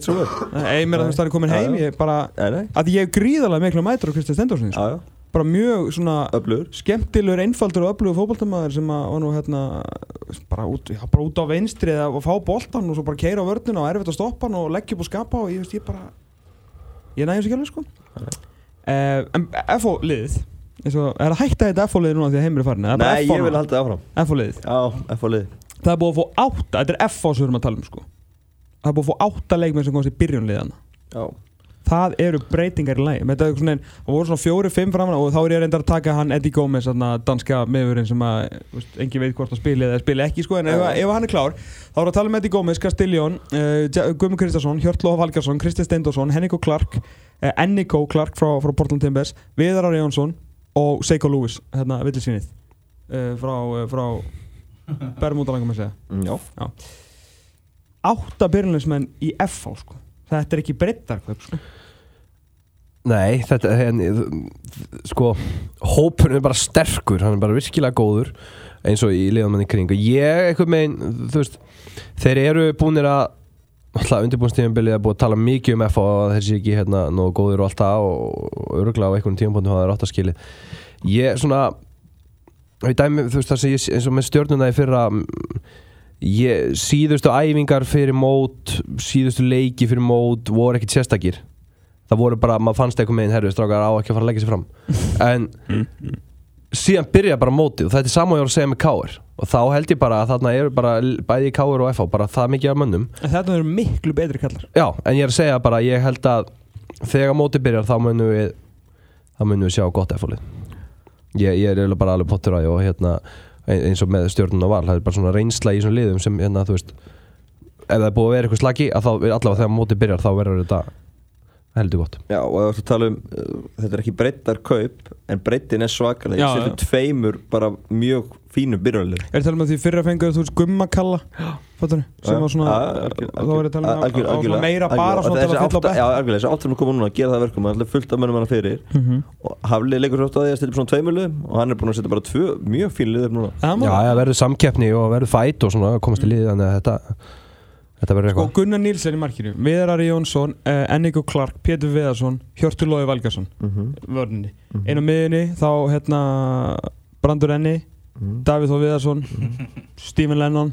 Gumi Kristjáns. Hvað, já, ég kom ekki svona Gumma Kristjánsson fyrir sko. ok, bara gefum brand bara hans á, á bekknum leiðum honum að vinna sinni þetta. Höfum Gumma Kristjáns og Davíð Þó Viðarsson. Já, ég held að þessi bandur verður svona komin í byrjunlega mjög flott Já, held ég, Stephen Lennon fyrir framann uh, Hvað viltu fá á hæri kantinn? Villisvinnið Já, og hérna og hérna Kristi Steindorsson út í vinstarmenn. Jeffrey Castellón já, þá Ef þú ert ekki titilbaráttu með þetta lið Nei, þá er náttúrulega bara eitthvað að og aðeins maður nefndir ekki, þú veist, þá erum við með Eddie Gómez með spurningamarki, við erum Mhm. með Þóran Inga Valdimarsson, við erum með Robbie Crayford, Greta Snæ, Haldur Óra Björnsson, Haldur Björnsson, Brandur Olsen, Greta Snæ þú veist, allir guðna, þú veist ekki Nei, allir viðar. já, alltaf, já, þeir eru margir á æfingum hann Þannig að, þú veist, svo var Jónatan Ingi, hann ungur strákur sem að... Já, lang, er hann komin? Nei, hann er ekki komin, Ok. þeir eru að fá hann líka, þannig að það er, það er nóg að mönnum. Já, Það er nú að munum Herður, liðið sem, að, sem að er í efstasæti í öllum spám og það er, er mjög skiljanlegt heitir Valur. Íslandsmeistararnir, ríkjandi Óli Jó búinn að vera að raða inn, inn titlum, hann er byggar óður eins og menn segja í kópáinum heldur betur maður heldur betur. Uh, Er hann búin að tapa úrslitaðleika? Hefur hann? Já, með val. Uh, ekki svo ég muni sko. Þriðsásnu meistari meistarana mm. Jú, tapaði einum fyrir leikna ekki, einum Reykjavík byggar það Var það, næ, Nei, hann vann. hann vann. ah, ok. Og hann fyrir Hann mátti reyna Hann vinnur bara allt. Það er, það er Síðan Óli Jó, eftir þrjú sumur er hann búin að vera Íslandsmeistar einu sinni. Og það er náttúrulega engin úrstæðleikur því. Hann er búin að fara í tvo byggarústæðleiki og vinna að báða. Hann er búin að fara þrísværi meistar og meistar og vinna alltaf. Hann er búin að fara allavega einu sinni í deildar hann tapaði deildarbyggar úrstæðleik lengi byggar úrstæðleik fyrir FH er ég að það? Að það? Veit það ekki Já, ok. Hann er allavega með þrjá, sex, uh, sjö hann er með níu titla á þreymur árum Það er rosalegt Og þarna, nú er verið að tala um það jafnvel, þú veist, er miðvörður að fara að koma inn uh, Af hverju eru búin að býða með það svona seint eða ætti að gerast? Nákvæmlega, Er heldur það þú þá bara þurfaði miðvörð? Er þetta danski markaðan sem bara eru að hingra Já, þetta? það getur verið, já, öruglega ef það fæst góða leikmaður þá, þá takar hann Um, en ég held að séu rólegir yfir þessu samt sko. þannig að, Rasmus er ekkert slaguleik maður, sko nei, nei og, og hérna, Samfærið. þeir eru bara búin að vera bara fylgja eftir því sem þeir eru búin að gera og Óli náttúrulega þjálfaði F og hann gerði það bara líka Já, já. þannig að menn heldur að þetta er eitthvað svona menn fara svo að verðinu þá allavega er sagan ekki þannig hjá Óli og Jó með, með liðin sín Mér finnst það eitthvað skemmtilegt í návi þá heyrðum maður það þannig í lokin Óli Jó, það er ekki sko það er ekki smá prósent af honum sem er fara að pæli því að fara að segja þetta gott í þjálfun sko. það er svo mikill neisti í honum sko. Já, og búin að leika sem í kerfin í vetur líka. Getur svissa á milli og veist ekki alveg hvað þeir eru að fara að gera. Og hérna, bara góður í báðum kerfum þannig að það er bara gaman að horfa á. Ef þú fer henni, ef þú heitir, þú veist, fylgir keflaðið, vikingur, fjölnir eða eitthvað þú fer henni í hálfleik 0-0 um til val og ert bara Sá hvað, erum að gera góða hluti sko. Þá mæta þeir bara í tveir í vörn og allir einhver staðar og, og pakka þeir saman í setna sko. Já, bara breyting góð eins og í liðanum í kring. Um, mikið sigur hefur komnir á svona þú veist, það er sjálfströstu mikið þeir bara klára leikina þannig að Hvað, akkur er þetta að gera lítið úr þínum mönnum? Þetta er með að bóra spref Já. og erum okkar diggasta hlustanda, Ára Sigur Ómarsinni Já. beint frá Rannheim, langar við að segja Mm. uh, Töpuðu fyrir leikni í úslindu Reykjavík-mótsins Já, já, dag varum hugsa um annar leik, leik árið áður ah. það, það var Þá ekki ég sem, Valur- það þá var var- Davíð sem að Þá var Valur 3-0 já, Árið áður sko. Þannig Já, ég var þar. Það var- Færi var sér ekki hér til spes. bókar að að ég veit meira um leikni heldur en þið Alltaf leið mm Hvað var ég val? Já, þeir eru rosa góður Já, og Bir Birkir Már Sævason hann er, Hann er, mættur hann er líka rosa góður Já, Bjarni Óla er rosa góður já. Um, talandi Aron með um það svo, hann, er, hann er rosa góður og hann Ha- fór. Árið Sigurður? Já, Já, hann fór, en hann kemur. Kemur hann? Aftur í val? Já, Já, einhvern tímann, já Já. En sko, hérna, þú veist, Kristinn, það er, það er engin lélugur leikmaður í þú veist, 20 manna hópi, ekki lélugur, það er, það er engin nema bara frábær leikmenn, sko. En sko þeir ætla að bæta við, það þurft að hrista upp í hóttum eftir titil og það er búið að gera það Einmitt, Það verður gaman að sjá þú veist hverju er bæta við hver, hversu, þú veist þeir voru góður síðast tímabili Jöp. Þú veist hvernig verða það núna, þú veist verða þeir verður þetta bara svipaði, þú veist bæta bara í þú veist það eru Mhm. konið leikmenn til að bæta í þetta þannig að það verður mjög forðilegt að sjá hvernig þetta verður en eins og ég sagði, sagan er aldrei með Óla í þessu Dan, dan, Danska tvennaðan frammi, Patrik Pedersen og Tobias Tomsen Báður sjóðandi hittir Báðir sjóðandi þetta Byrjaði þeir báðir Byrjaði annað þeirra Á móti IBF Fyrsti Feng- leikur er hvað? Móti KF Káur? Nei. IBF tók hver hálfleik báðir sko bara, Tók- Þú fær fyrir hálfleik Patrik og þú fær setni Tobias En vill hann ekki láta að spyrja á móti Káar? Svo er það sko Já, það væri alveg nettur óli í því, sko. Já. Þannig að þetta er Að því að, að, að Tobias hefur listað hans á vinstri vangnum í 43 þegar Siggi Lár var meittur en það er náttúrulega aldrei að fara að gerast þegar Siggi er heill. Nei, en svo við plökkum aðeins draumarins til eiga bita. Ef fólk er að velta því fyrir sig hvort ná að taka þá er þetta svolítið erfitt sko þegar þú veist ekki hvort við byrjum þú veist, báðu klálega geta sko kýla mörgum og stigum. Þú veist ekki alveg hvor, fær mínútunar og hvar og hvenar Tobias Thompson verður markaðast leikmaður Káur það er rosalegt. Það er þetta ekki Ef þú myndir fara ánga í júli og Stóra spáin. Það er stóra spáin. En það þarf þannig, að þú, þannig að þú hvetur allir til að fara í eiga deildina og, og, og kaupa Tobias. Já, ekki að sé, sjá við liðið mitt Ég byrði svo sé ég hvert liðið þess að byrði að fætur öru og er bara eitthvað, oh my god hvað ég er liðlegur í þessu sko. en þú hefur viku til að breyta það, veist það? En það málega já, já, breyta vild. Ég sá okkar lið sem var að pælja að kópera Ég veist ekki hvort að það sé sniður en hvetum allir til að skási í leikinu það þarf að fá- fá liðið það En Valur Reykjalín Þrastarsson sem kom frá KF með Tjók. Svo fyndin listi Þetta er sko Birkjum á Sæfarsson, Kristoffer Sigursson, Ívar Rödd Jónsson, Ólafur Kjall Vincent, Svetsigur Jónsson, Tóbias Tomsson og svo Valur Já. kom inn á byggar Komin inn í Reykjalín mótinu já. Er, er strempið fyrir Óla Jó að halda allum ánæðum, Davíð? Væri það ekki Nei, fyrir ég held sé aðra ekkert- þjálfara? ég held sé ekki strempið fyrir hann ég held að sé ekkert svo strempið. Hann hérna hann ræður, það er bara Það Og leikmennir svona held ég að hljóta skilja það? Já, ég held að það er líka á, á, ástæðan fyrir hans ánangri, hann, hann er góð stjórnandi. Valur verið Íslandsmeistari. Valur setur stegamett og þeir verða með gull og silfurskóin Já, ok. Það er bara svoleiðis Erum rennum aðeins yfir það hvernig dagskráin verður hérna um næstu helgi. Við erum að tala um það að það eru tveir leikir klukkan 8 á föstudagskvöld. Valur er að fara að keppa múti KR í þessum risa slaga á Valsvelli. Mælum með að fara í fjósið. Já, þar er Kranapúp. Stjarnan á móti Keflavík á, sama tíma. Svo daginn eftir, klukkan 12 í hátteginu Þá verðum við hérna, millir 12 og 2 Já, það er heldur betur Svo klukkan 2 þá er það Breiðablík IPVF og Grindavík FH sem er sjómasleikur á stöðu sport, mjög áhugaveruleikur. Heldur betur Fjölnir Káa í Egilsöllinni klukkan 4 og svo klukkan 6 er það Víkingur Reykjavík á móti fylki, það er líka áhugavert. Víkingur fylgir á laugadaskvöldi klukkan 6. Já, það er skemmt Það er svolítið skemmtilegt. Það er Það er skemmtilegt ekki tilraun. flóðlös í vikinni samt Nei, Ekki það er bara byr, byrta vel til. Það komið sumar Ah, Er það? Já, vonandi Það er vonandi. Er þetta búið að vera afskaplega gaman? Þættunum er bara lokið, við lögðum hann allan undir Pepsi Þetta er bara að byrja. Þetta er að byrja Þetta er að byrja Þetta er að byrja Ríkala hvort þú þarf að fara á stjarnan keflæk Ég ætla að fara á stjarnan keflæk og horfa á Valur Káur á, á vottinu Já, Já. og svo bara lögadagur og sundagur og svo bara pepsi mörg Já. Þetta er, ég get ekki beðið, þetta er, þetta er alveg snilt 2, 4 og 6, er ekki þrenna á okkur næsta lögða? Jú, það held ég. Algjörlega, meina, hvað, hvað er betra að gera? Það er ekkert betra að Það gera. er ekkert betra að gera, það er bara þannig Hefur ekki fara að hættu sig, það er að fara í skýrt Jú, við skulum fara að hætta þessu. Uh, Þú mátt eiga að loka orðin, þau, eru alltaf góð, sko. Er það ekki? Heru, verið, þú verður nú regla næstu ekki? Ég verði þetta næstu, ég verði þetta fram á En Rúslandi. Já, ég með þér Já. En betur, hvað ætlaðu að gera næstu helgi? Þú veist, þetta- þá eru tvei leikir búnir og það fjór leikir eftir og Það er alltaf